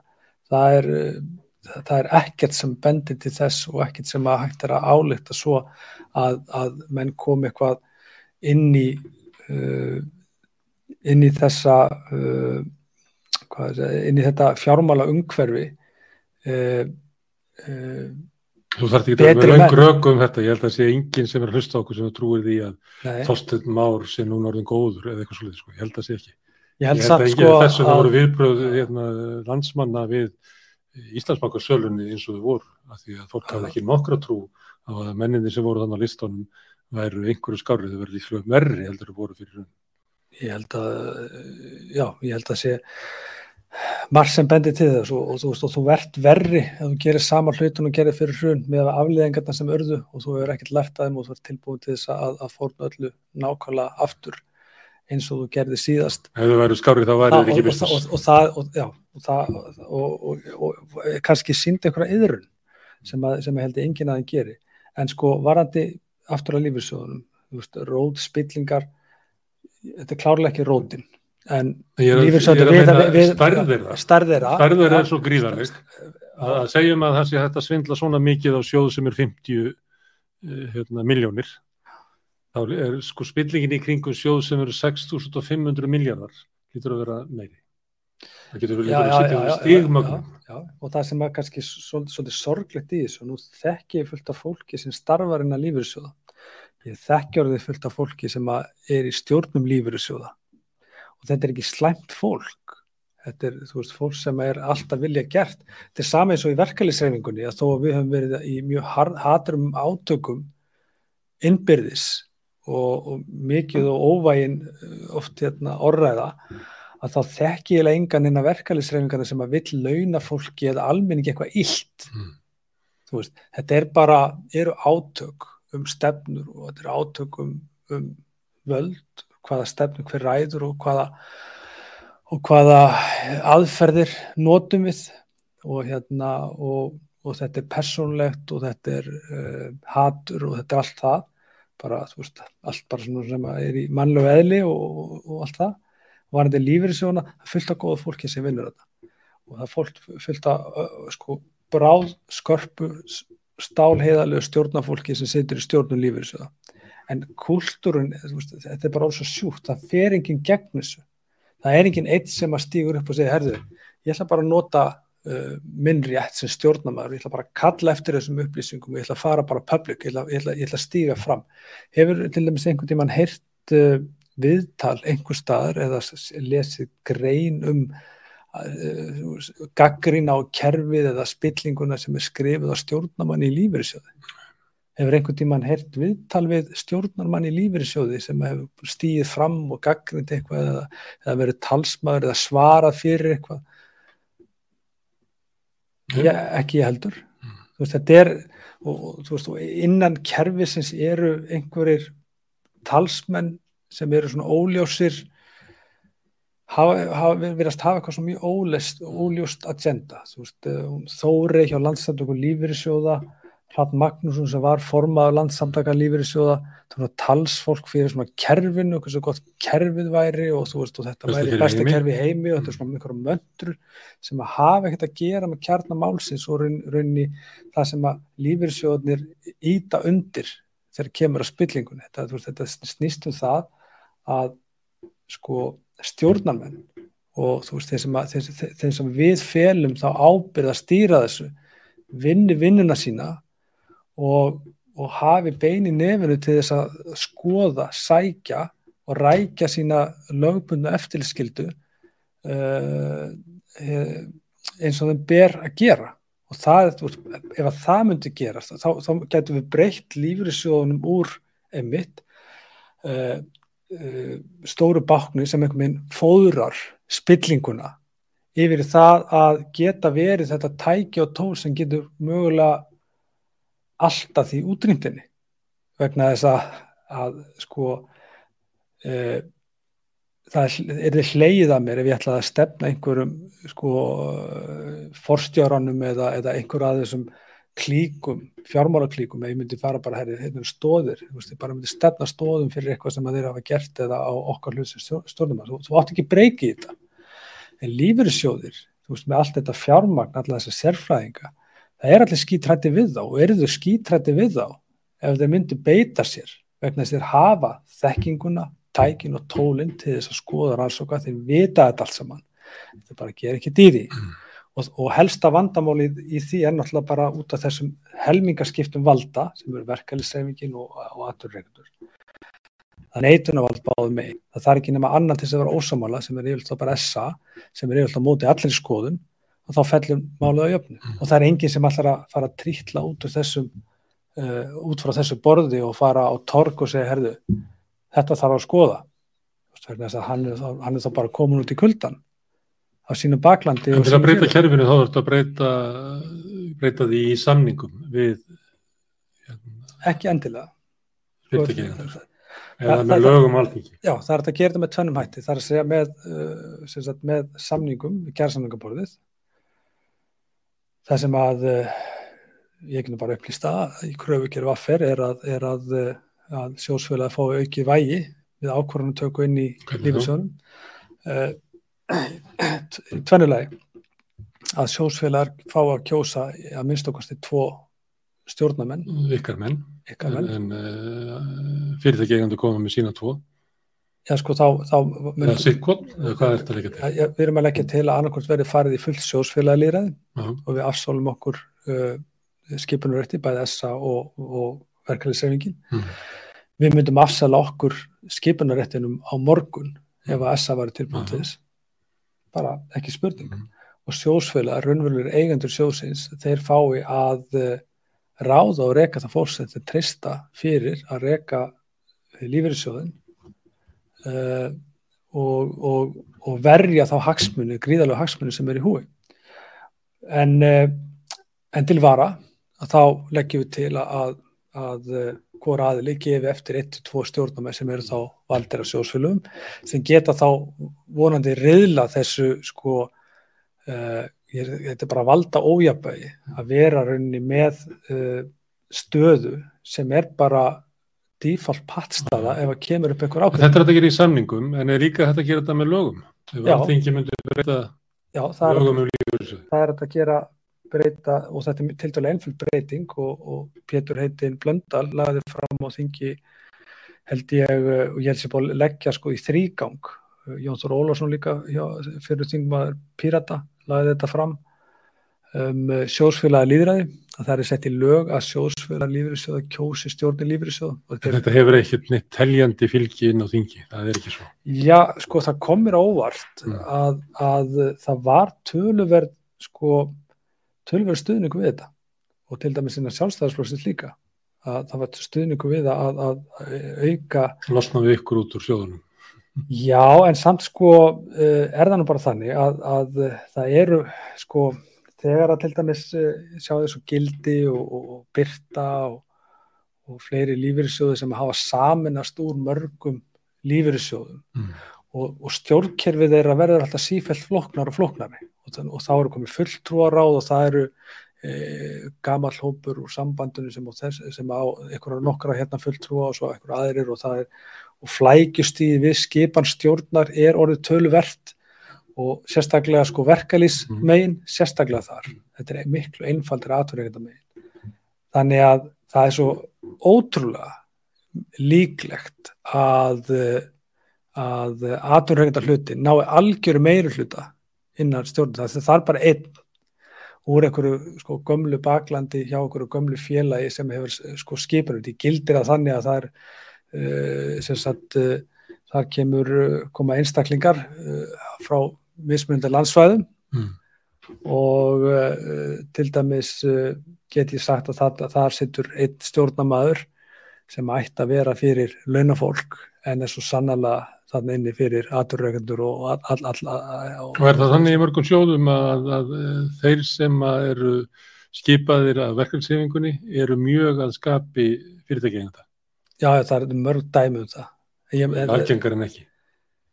já, já, frekar. Svo náttúrulega ertu með sko sjóðið sem skera sér svolítið úr eins og LSR, uh, bara hvernig hann er skipaður og svo ertu með sjóðið eins og Vaffer eða, eða Lífyrsjóð Vestlunmann að live, það sem að eitt stjættafélag skipar fjóra á móti uh, aturöktum. Það sem að félag aturöktum er með einn og samtöku aturöktum er með þrjá og Vaffer skipar síðan fjóra.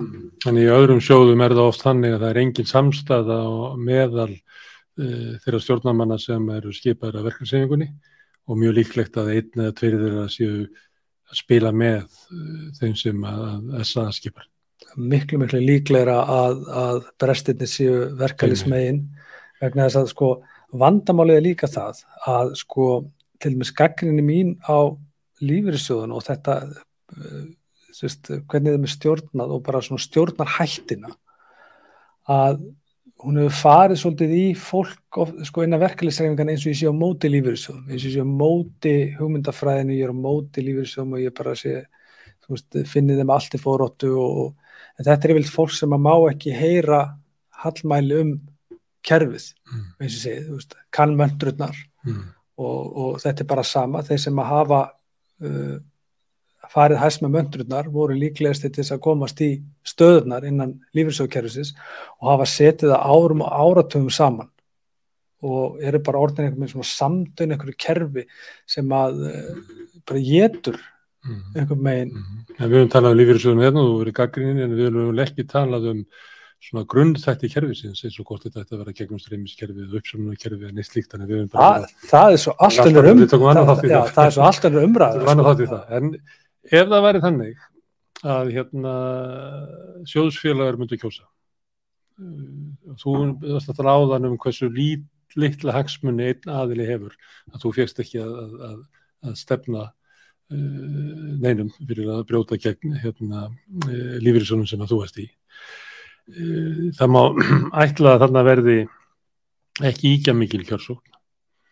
Er ekki svolítið svona háski í þessu að, að ég get ekki bara Guðmundur Franklín búið sér fram og Viljálfur Bjarnason þingmaður hérna, og er ekki hægt af því því að oft er það ríkjandi hugmynd í Íslands samfélagi að hægri menn farið vel með peninga sem að er nú rannsóknarefni hvernig Íslands þjóðu kemst að því því að eiginlega allir skandalar sem að við nefnt hér eru eiginlega verk hægri manna. En samt er þetta ríkjandi hugmynd. Þannig er ekki svolítið hættu því að, að hérna, inn í lífyrirsöðun eru þau kjörnir innmúraðir og innvíðir sjálfstæðismenn og engengar og, og svo einhverju lökur ryttarar jú, jú, það er auðvitað, auðvitað það alveg mikil hætta eins og, eins og svo til að taka, þá, taka þann Já, sjans við gerum það með, með kjörna fulltrú alþingi.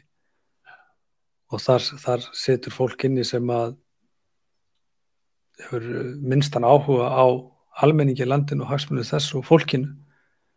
Og er að verja útgerðina, peninga, öflin, mm. fjármagnið frá mótnin til kvölds og við erum alltaf í síðasta sæti. Sko, Ég, ég, ef- í hlutafélagum í bandaríkjónum þá gerist það, af því að það er dreifð eh, eignar Já. aðeins, þá gerist það hægt og bítandi að eh, starfsmennunir hérna, taka eiginlega yfir fyrirtækin. Þannig að það getur líka þróast þannig að, að, að sko, framkvæmdastjóri lífyrir svo Sveslunvana býður sér fram sem stjórnaforman og smátt og smátt að þannig uh, að því að spillingin er til út um allt og klíkuveðingin er til út um allt og við þekkjum mörg dæmi um hvernig svona fyrirbreyði hafa klíkuveðst Mm. það var líka hægt á því að þetta er því fyrirbreyði sem ættu sér Já, já. sjálf með einhver dulafullum ætti þetta, þetta getur klárlega farið í báðar áttir. Við erum með lífyrirsjóði sem hafa sjósfélagi líðræði. Það er sérst íslenski lífyrirsjóðurinn sem er uh, hýstur í landsbankanum. Almenni lífyrirsjóðurinn sem var, var hýstur í Íslandsbanka en er núna svona sjálfstæð eining og svo frjálsi lífyrirsjóður sem er inn í Arjón. Og þar hefur þetta sko uh, gengið ágætlega. En eins og segið, þar eru uh, samt mismæfandi hagsmunni sem koma að sjóðunum sem eru alltaf ríkjandi í stjórnum og hafa svona, eru líklegri til þess að ná framheldur en hitt uh, sko sjósfélagilíðra hefur klárlega kost og galla, en ef við til dæmis horfum á, veist, ég formaði stærsta stjættafélagslandsins, við erum að skipa fjóra fulltrúa inn í stjórn lífyrirsjósins og ég get ekki séð að til dæmis sjósfjölaða líðræði og núverandi fyrirkomulag breytir nokkru mín áhrif inn í lífeyrissjóðunum. Það breytir ekki neinu. Þau breytir ekkert getu minni til þess að geta fylst með því sem er í gangi inn á lífeyrissjóðsins, til þess að geta flett upp í ársækningaskrá, skoðað einhver viðskipti, fengið upplýsingar, vegna þess að ég fæ ekkert að þessu frá lífeyrissjóðunum.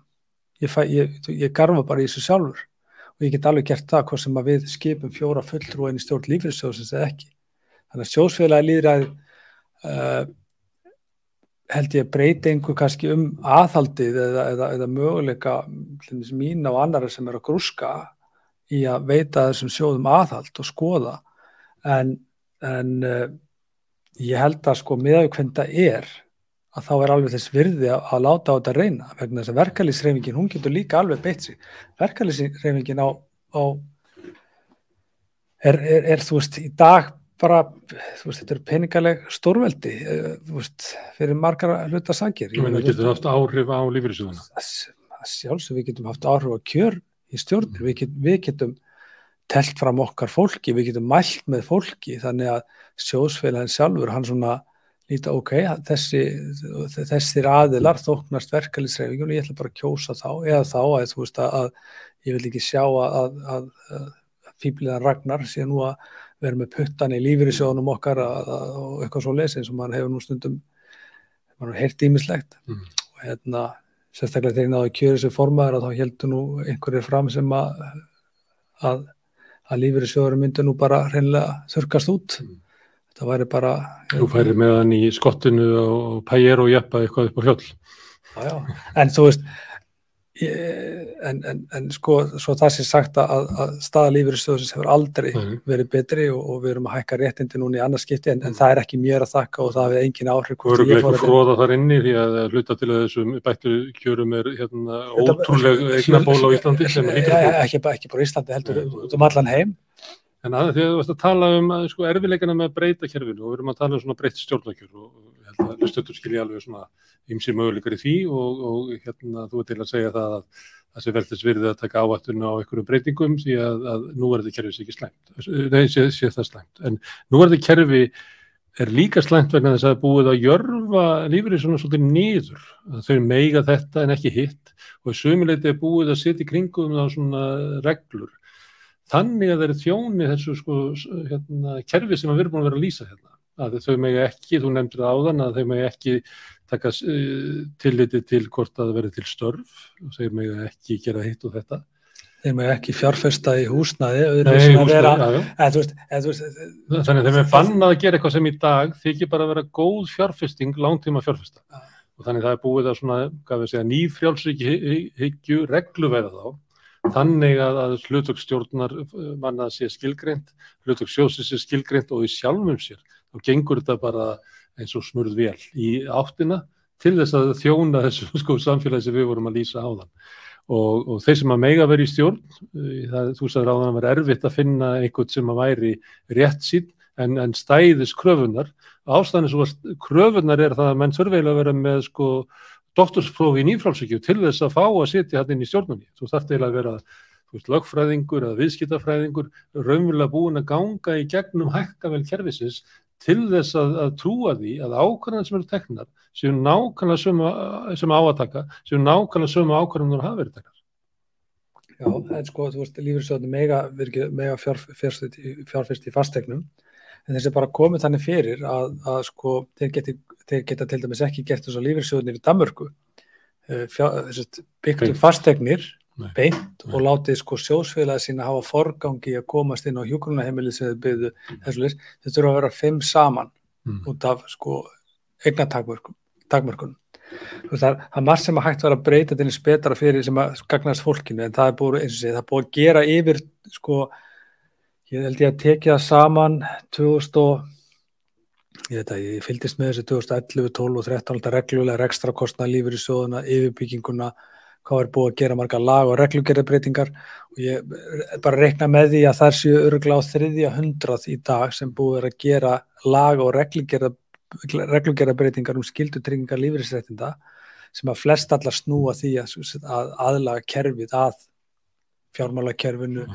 og svona þú veist, er einu öllu öðru heldur en sko Almenningi. almenningi og þörfum almennings og því sem að hann er að kalla eftir og það sem ég tala um var þetta sjóðsfjöla líðræðið auðvitað er það ekkit fullkomi leið en ég held að sé alveg á það reynandi að, að sagt, mögulega að hluti stjórna lífriðsjóðuna verði sem er þeim hætti að sjóðsfjölar hafi þá meira aðgang að svona, þessu, þessu líðræði en síðan það sem við erum líka að leggja til að það er að fulltrúaráð sjóðana, þú veist það eru flest allir með fulltrúaráð sem eru svona bakland begge aðila en bara miklu starra, svona kannski eh, 25 frá hvorm aðila, 50 manna fulltrúaráð eitthvað svo leiðis að, að, að, að það sé eitthvað svona virt bakland sem að kæmi að öllum starri ákvörðunum.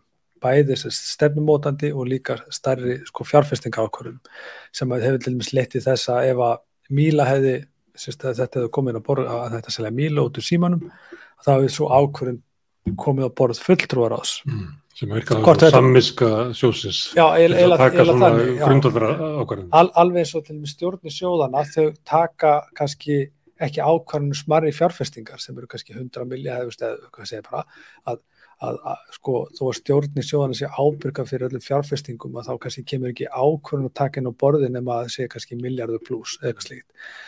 Og þú veist, og, veist þannig að það, það, það er það er bara eftirlit skildu með hinnu þannig þau taka ekki ákvarðin fyrirfram en þau hérna fara yfir þannig að e, geta stoppa Þetta er eins og í verkefælinsfélaginu sko, við erum með svona styrkjanemnd litla styrkjanemndin, þú veist, við þurfum ekki að fara með það stjórnaborði ef við ætlum að kaupa S.A. álvin eða, eða arband eða tíu penna að, að styrkja eitthvað um, um 40-50 úrst en ef það kemur bein upp á 500 eða miljón mm. þá fer það fyrir stjórnina Við ætlum að tala núna beina talinu ekki fara langt, heldur við bara aðeins að horfa á þetta frá annar hlið. Þú tókst átt í búsöldabildingunni, þú tókst átt í að búa til hagsmannsamtöku heimilana og tókst átt í ykkur svona baráttu og hefur síðan raunverulega verið svolítið að glýma borgarhefingunni, borgarhefingunni, verið að glýma við pólitíska afl. Upplifið þú að sko stjórnmálun í Íslandi séu spilt? Já það upplifi ég og ekki bara stjórnvöldi heldur bara líka allt stjórnkerfið og það er eiginlega ótrúlegt að vera vittnaði að, að sitja í nefndum og ráðum uh, semjum eitthvað uh, við til dæmis ríkjandi öll eins og bara til við tókum síðan bara lífskjara samlingin sitja síðan uh, við með eh, fulltrúum frá fjármálaráðnitinu sem að uh, rauninni bara eigðilegja allt eða skiluru hvað maður að segja svona ekki tilugur að staða þegar eigðilegja það er ekki nei en sko þú veist ég menn að þú semur til dæmis um það að nú þurfa að fara til í verðtrygginguna að verðtrygging neytendalána þessi uh, glæpa lán að þau verði afnöðust bara bönnuð í eskiti fyrir öll og það er farin einhver málamilun og síðan uh, allt í hennu uh, eh, færðu símtal og sagði bara ok, við semjum við ríkistjórnina um að þessi lán verði bönnuð í eskipti fyrir öll. Mm. Það er samið um þetta og síðan á að fara að uppfylla þetta samkominu og þá að kalla til einhverja fundanir í fjármálaráðandi og þá er bara, sagt, og, og við teljum okkur að við séum bara að fara að klára einhverja útfæslu að leiða því markmið sem sami varum. Við tókumst í hendur um þetta fyrir stöttu síðan. En þá byrja ballið. Þá sem sagt eh, í sjálfu sér eh, mætur hersingu eða einstaklingum sem að verðast hafa það eina markmið að koma í vekk fyrir að eh, það séu einhverja líkur á því að þetta náist í gegn. Mm. Þetta þóknast að sjálfsögðu ekki Eh, fjármálakerfinu eða, eða auðvaldinu eða hvað við höfum að kalla það að þessi lán þessi lána afur sé börnuð á Íslandi að hún verði leifð áfram á Íslandi hún sé börnuð allstaðar annar staðar í siðmöndum ríkjum og löndum. Og, veist, og ég, ástæðan fyrir ég tek bara verðtryggingun er bara þetta er eitt af mörgum dæmu við getum heimfært nákvæmlega þetta atriði við svo ótalmarst Þau sveiku allt sem við lofuðu leyendum í tengslu við lífsgerðarsamlinga? Já, já, og uh, við hefum kallað eftir aðgerðum fyrir fólkið, fyrir heimilin, bæði út af heimsfaraldrinum og út af uh, mm. uh, fyrirlegjandi hérna, verðbólku skoti og svo framvegs og það virðist bara og miða við degrið í kringum til dæmis atvinnulífið og það gríðala fjármagn sem þangað hefur farið að, að uh, þá er bara hagsmunargerslan og, og, og spillingin. Veist, aldrei... fólk, fólk beitir, uh, gengur í ríkisjóð með svipum hætti og lífriðsjóðuna sem að það uh, verið að nota lí, lífriðsjóð til að móka peningum til hérna, fyrirtækjegenda blasir náttúrulega við. Þetta bara blasir við svo kvótakerfið, ég myndi sjá bara nærtækt dæmi, þú veist uh, grásleppuna uh, uh, fiskeldið. Mm.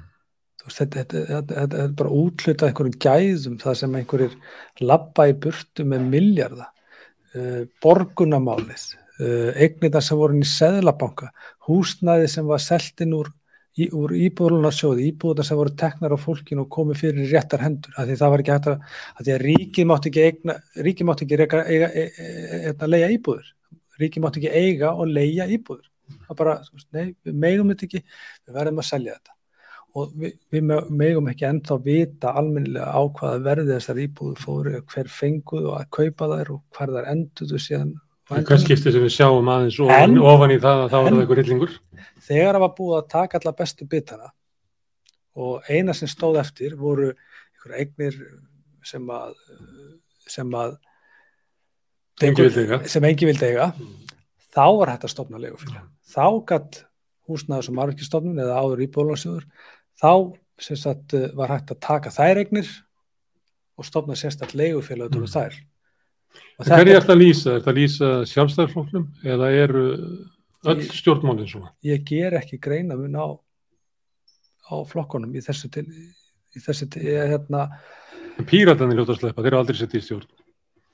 Nei, en, en þú veist, mun eitthvað breytast sko þegar að Veist, um, það munur á því hvort þú þekkir til spillikar eitthvað þú vantrust þitt á því að þú regna með því allir verður svona kannski vantrust mitt á, á stjórnmálunum er náttúrulega bara mjög mikið. Veist, ma maður hefur bæði í gegnum kjærasamlinga og samtali stjórnvöld upplifað ekkert nema svig og óheðalega mm. og þegar þú upplifir og þín upplifin af stjórnmálunum er ekki önnur og sem, veist, þetta er bara í gegnum starfið mitt. Síðan ef ég horfa á mig sem kjósandi mm. þá er það engur skarra vegna þess að það er öllu lofað og ekkert gert. Uh, og uh, það sem á að gera uh, verður ekki gert og, og, og það sem að sagt er að það eigi að gera eða fara eða í hvað átt á að fara þá að fara eitthvað allt annað ég menna við vorum með ríkistjórn sem að síðustu ríkistjórni sem ætluði að taka heilbriðskerfið í gegn og þetta hefur verið mantra bara náttúrulega í gegnum sko tvær, þrjár síðustu. Ég hef búin að lofa því svo ofta að þau eru hægt að trúa sjálfum sem þeir að segja. Og, og þú veist, og, fyrsta verkið er að, þú veist, og síðan tekur nýri ríkstjórn við þá, þú veist, á að vera hérna og taka heilbriðstjórnstuna, hún á að vera gjaldfráls og þetta var svona, þetta var hins einn, svo tekur nýri ríkstjórn við og fyrsta verkið er að lekka veðugjöld. Mm. Ég meina, við erum orðið vitna því. Mm.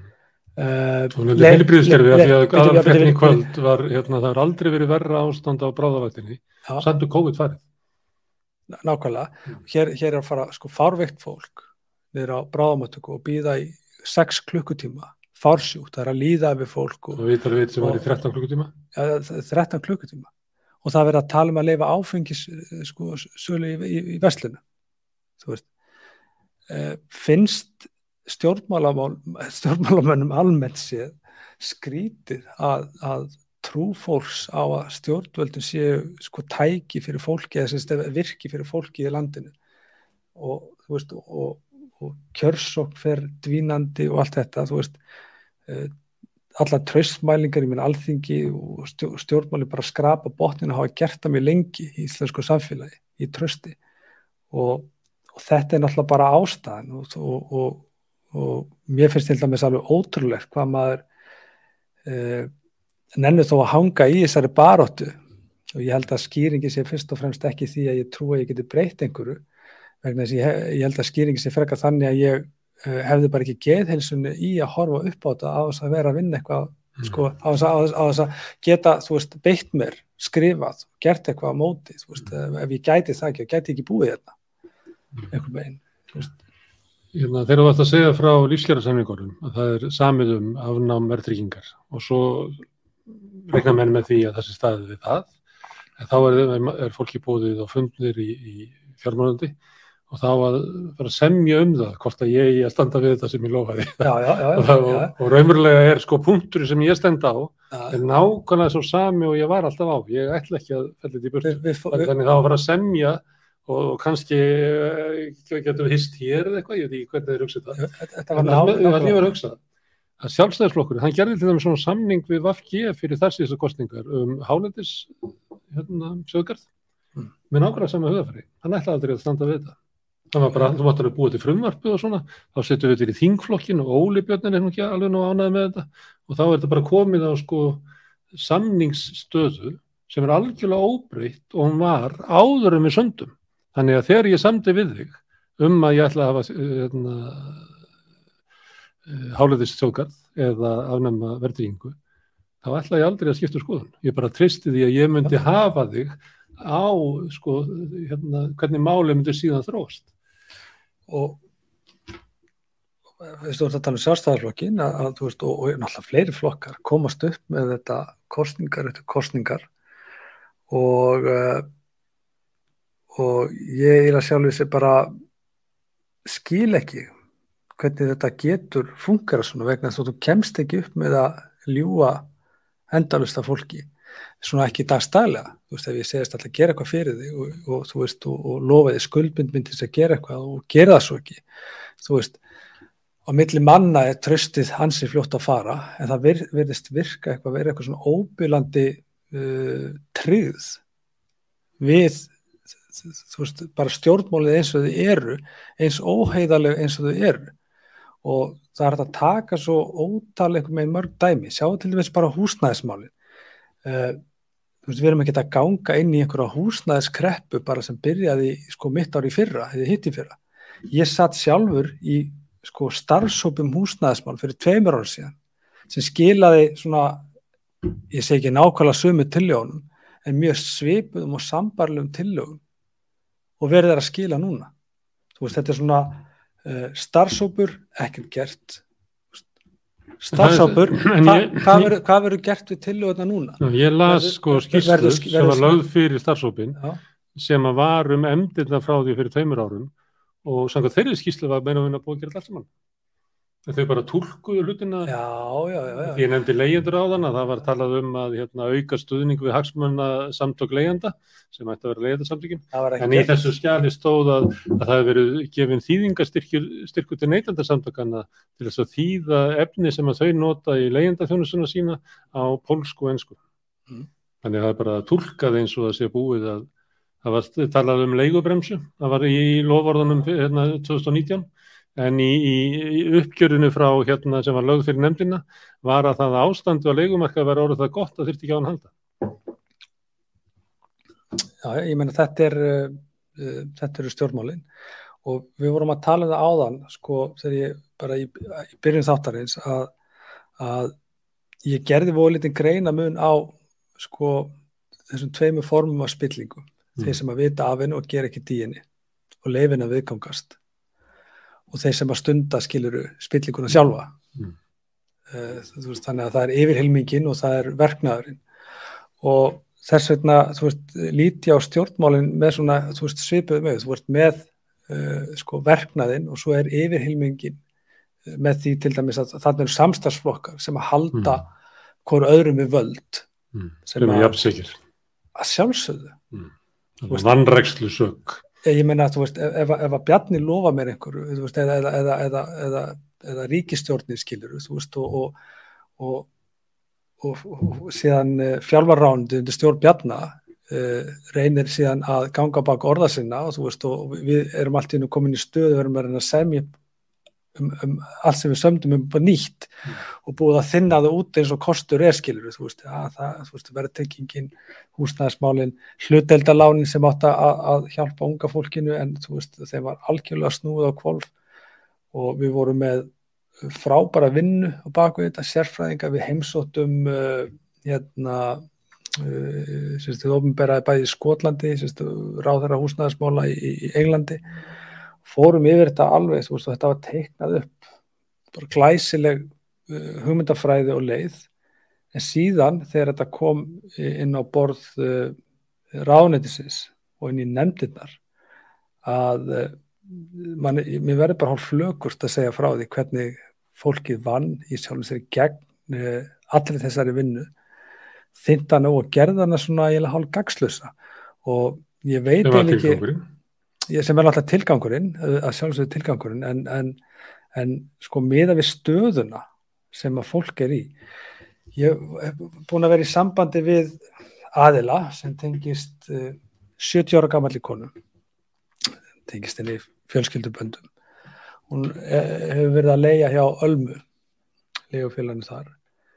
Hún var að leia tveggjaherbyggi íbúð 198 áskonur mánuði ég hitt hann bara í vestlun hérna, bara fyrir tilvilun fyrir, fyrir mánuðið að tveimur síðan og hann sérst, stoppaði mig bara herðu, hérna, og saði mig frá því hún hefði fengið bref það sem búið er að tilkynna það að leigan 70, 70 ára gammalli konu sem býr einn í tveggjaherbyggi íbúð sé að hækka úr 198 áskrónum mánu í 230 skallum mánu mm. og mun hækka sérst, í 230 núna 15. júni og sérst, eh, hækkunin 15. júni hún er bundið við vísitölu í februar þannig að sérst, hækkunin var komið þá í 235 skallum mánu mm.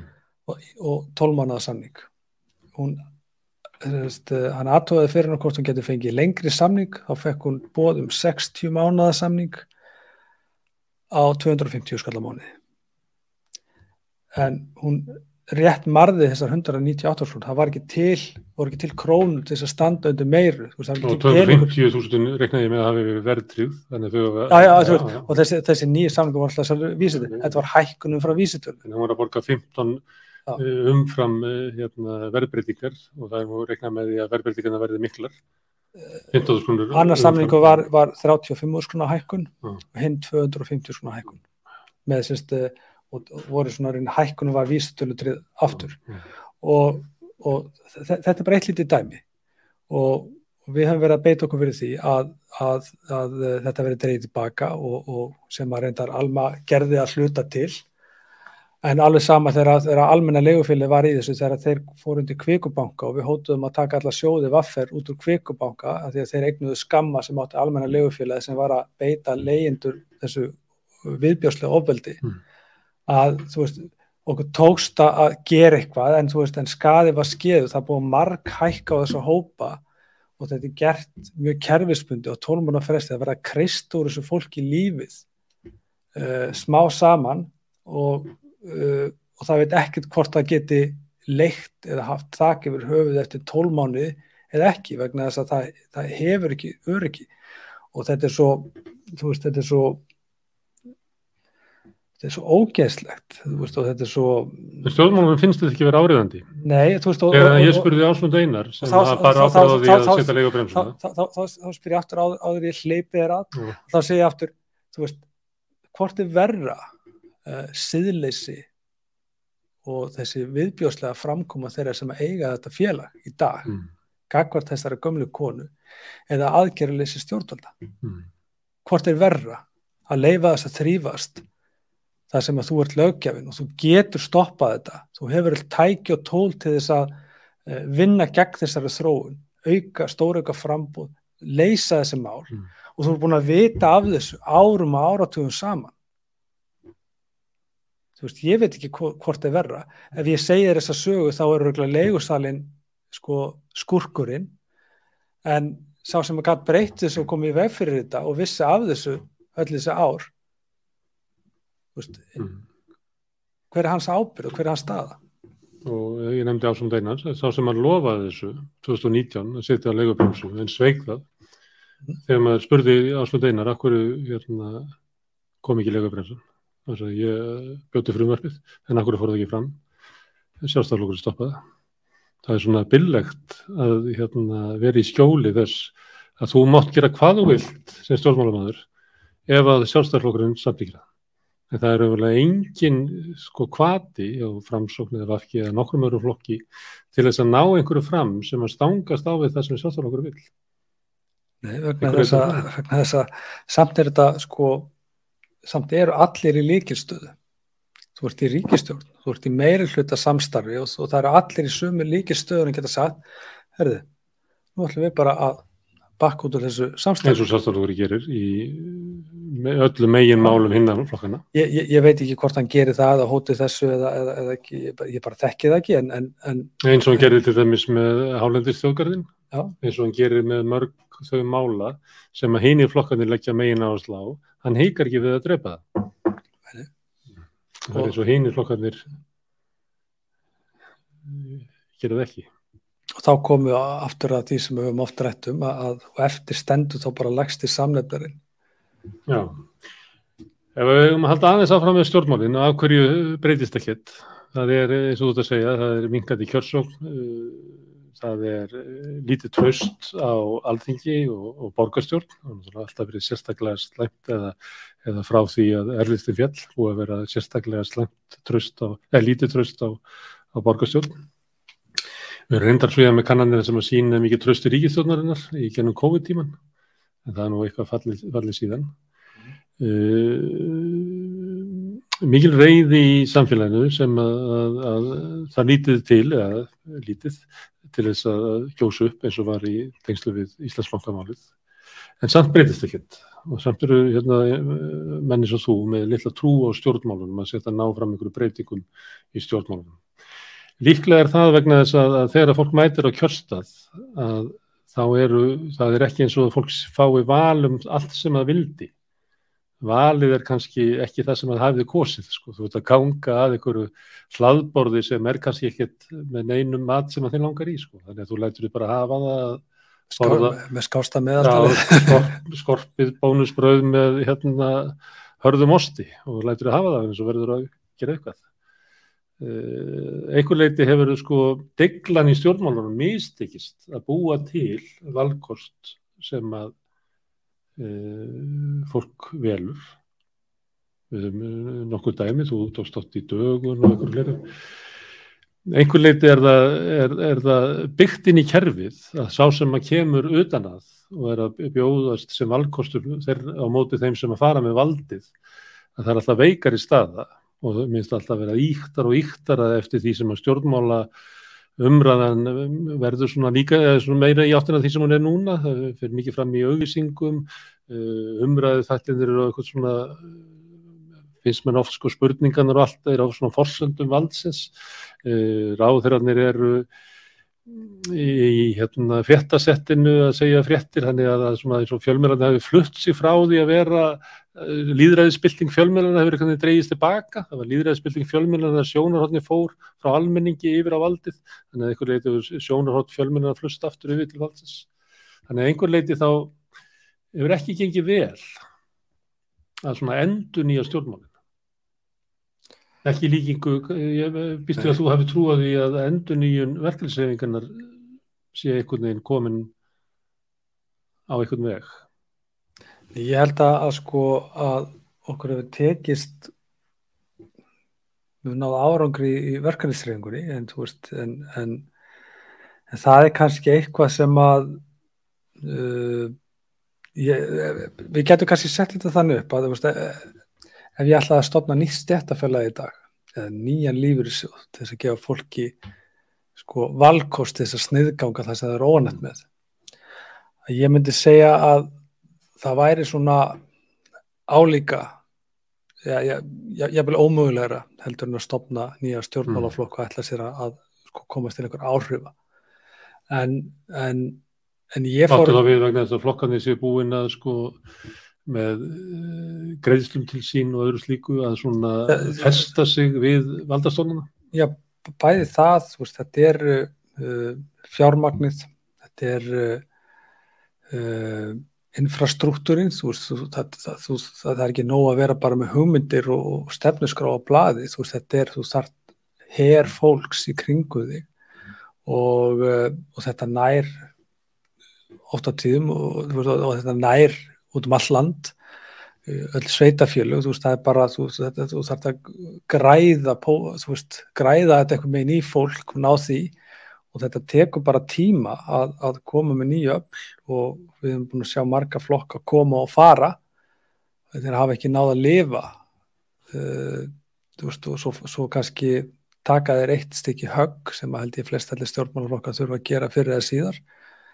Og, og uh, stundum lifa þær af og stundum ekki.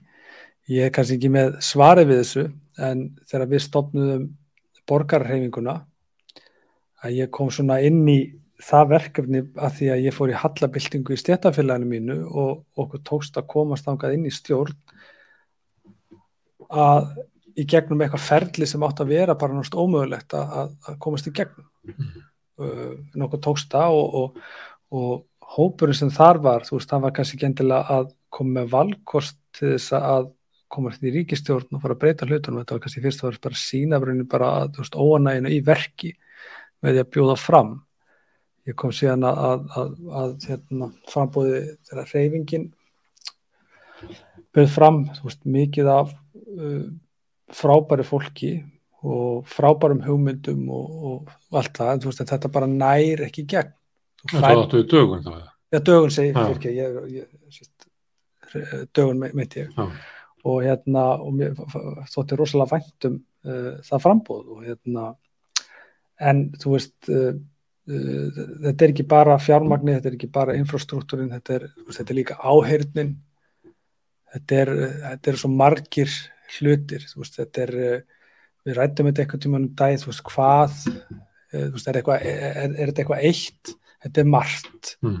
og þú veist, þetta er slagorðin, þetta er uh, hérna þetta er uppstillingin á veist, liðs, liðið skilur veist, þetta er stjarnan og þetta er sko, sætkikkið og veist, þetta, er, þetta er allt útpælt skilur þú veist að koma saman lista í fyrsta skipti skilur þú veist þú þarf að sapna 20 manns og þú kannski þekkir ekki alla og þetta er bara þetta er við ofuröfli ofta etja mm.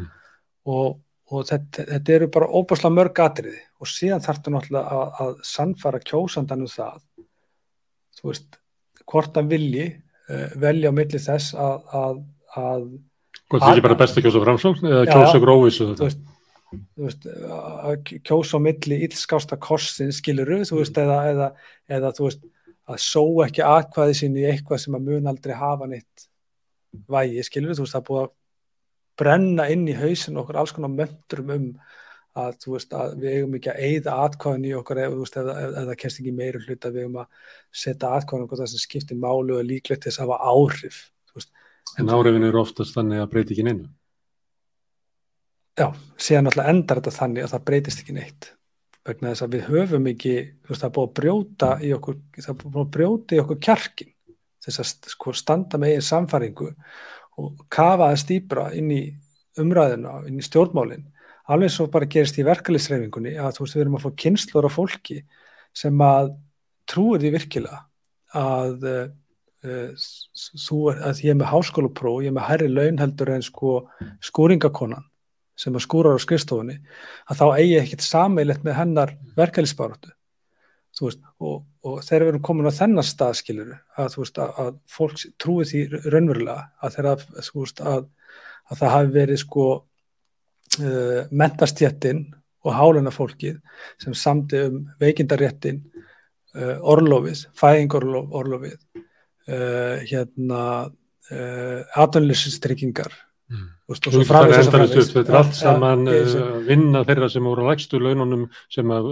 voru að berjast fyrir lífi sínu til þess að, að fyrir ykkur réttlæti vegna þess að gati ekki lifaði óréttlæti Ákvæmlega en þetta, þetta er fátekasta fólki okkar samfélagi sem náðu þessu réttindum fram sko átti valla fyrir mat fyrir þau laun sem að, sem að það var að, sem að það fyrir greitt fyrir sem að náðu þessum réttindum sem allir búa að. Og þegar þú komin í þá stöði í stéttafélag að þú ert að reyna að segja fólki þessa sögu og segja raunni að, að, uh, þú átt allt samílegt með sko baróttu réttlæts og kæribartu lálænu fólks alveg sama hvað þú ert í stegun hvort sem þú ert mentar og ómyndaður og, og ég held að þetta sé líka svona með stjórnvöldin, við erum svona einhvern veginn bara erum að missa svolítið sko fólkið veist, það, það, og þeirra áhinn dvínar. Og ég held að þetta sé eitt af því sem gerist í verkefliðsreifingunni að þú veist með, með svona sé það þeirra, þeirra, þeirra tengsla leysið verður of langt og fjarlægin verður of mikil. Þá er rosalega erfitt að ná fólkinu tilbaka og ég held að, að, að sko fólk er bara einfallega búið að missa svolítið trú á stjórnmálunum eins og það var búið að missa svolítið trú á verkefælisreifingunni og það er og verður bara gríðarlega vinna að þú veist að, að sko byggja upp þessa stjættavitund hjá bara fólki almennt byggja upp stjættavitund, byggja upp segja, kostningavitund eða, eða pólitíska vitund fólks. Þannig að það hugsa ekki eins og því ég sagt að hugsa. Það hugsa bara eins og það vill hugsa og tekur raunverulegar sko, ákvarnir út frá veist, málefnum og hagsmunum. Þá, tíman, þá mun eitthvað breytast. Ekkert tíma lagði þú til að verkefnisreifingi myndi skoða frambóð Já, ég ég er ennþá þeirra skoðunar. Eða þú veist frambúð eða samstarfið uh, einhverja þá flokka þú veist við um allt samíli Það er ekki samstöðuna svolítið inn í ykkar hóp til þess að sé hægt að ræða þetta? Jújú, jú, það sjálfsögðu. Það vantar samt, það er hún er, sko það er það er stöð í verk og sko en hérna, en sko ég held að sko uh, við, við, við erum búin að vera að pústa svolítið núna í verkefælisreifingunni og ég held að, að við uh, heldum gert, ég held að við bara gert það bara ákveldist tíma mm. uh, það má alveg rekna með að vera einhverja breytingar hjá okkur í haust. Uh, hverja sem þar verða, ég bara veit það ekki. En þá þetta í fórhusvæðis í. Já. Og, og ég á bara að vona því að, að, að sko ef við, ef, ef, ef við náum þú veist að gera uh, hvað sé, klára svolítið dæmið inn að virka verkefælisreifingarnar og bara þú veist, gera allþjóðsambandi og verkefælisreifingarna að því sko massífa afli sem það á að vera og, og náma að fylgja því vel eftir þá held ég að okkur takist að, að koma okkur saman um það að uh, fara á pólitíska vettung líka. Ég held að við bara verðum að gera hmm. En uh, í millitíðinni þá þurfum við að ná samningum það er næsta verkefni. Þannig að við tökum kannski upp stráðum um samninga og fleira sem við skildum eftir hérna, þáttu þessu búið langt samtal og það var margt sem við skildum eftir. Og, ég fæði hérna aftur að, að ræða þá hluti alltaf bara hvernig sem er. Kæra þakkir. Og hlustum þú þakkaði fyrir að, að staldra hérna við og hlusta á okkur spjalla saman. Ég mun halda áfram svona eitthvað fram eftir vorinu að fá hingað einn og einn gest í einu. Við sjáum til hvert það fyrir en ég þakka bara fyrir því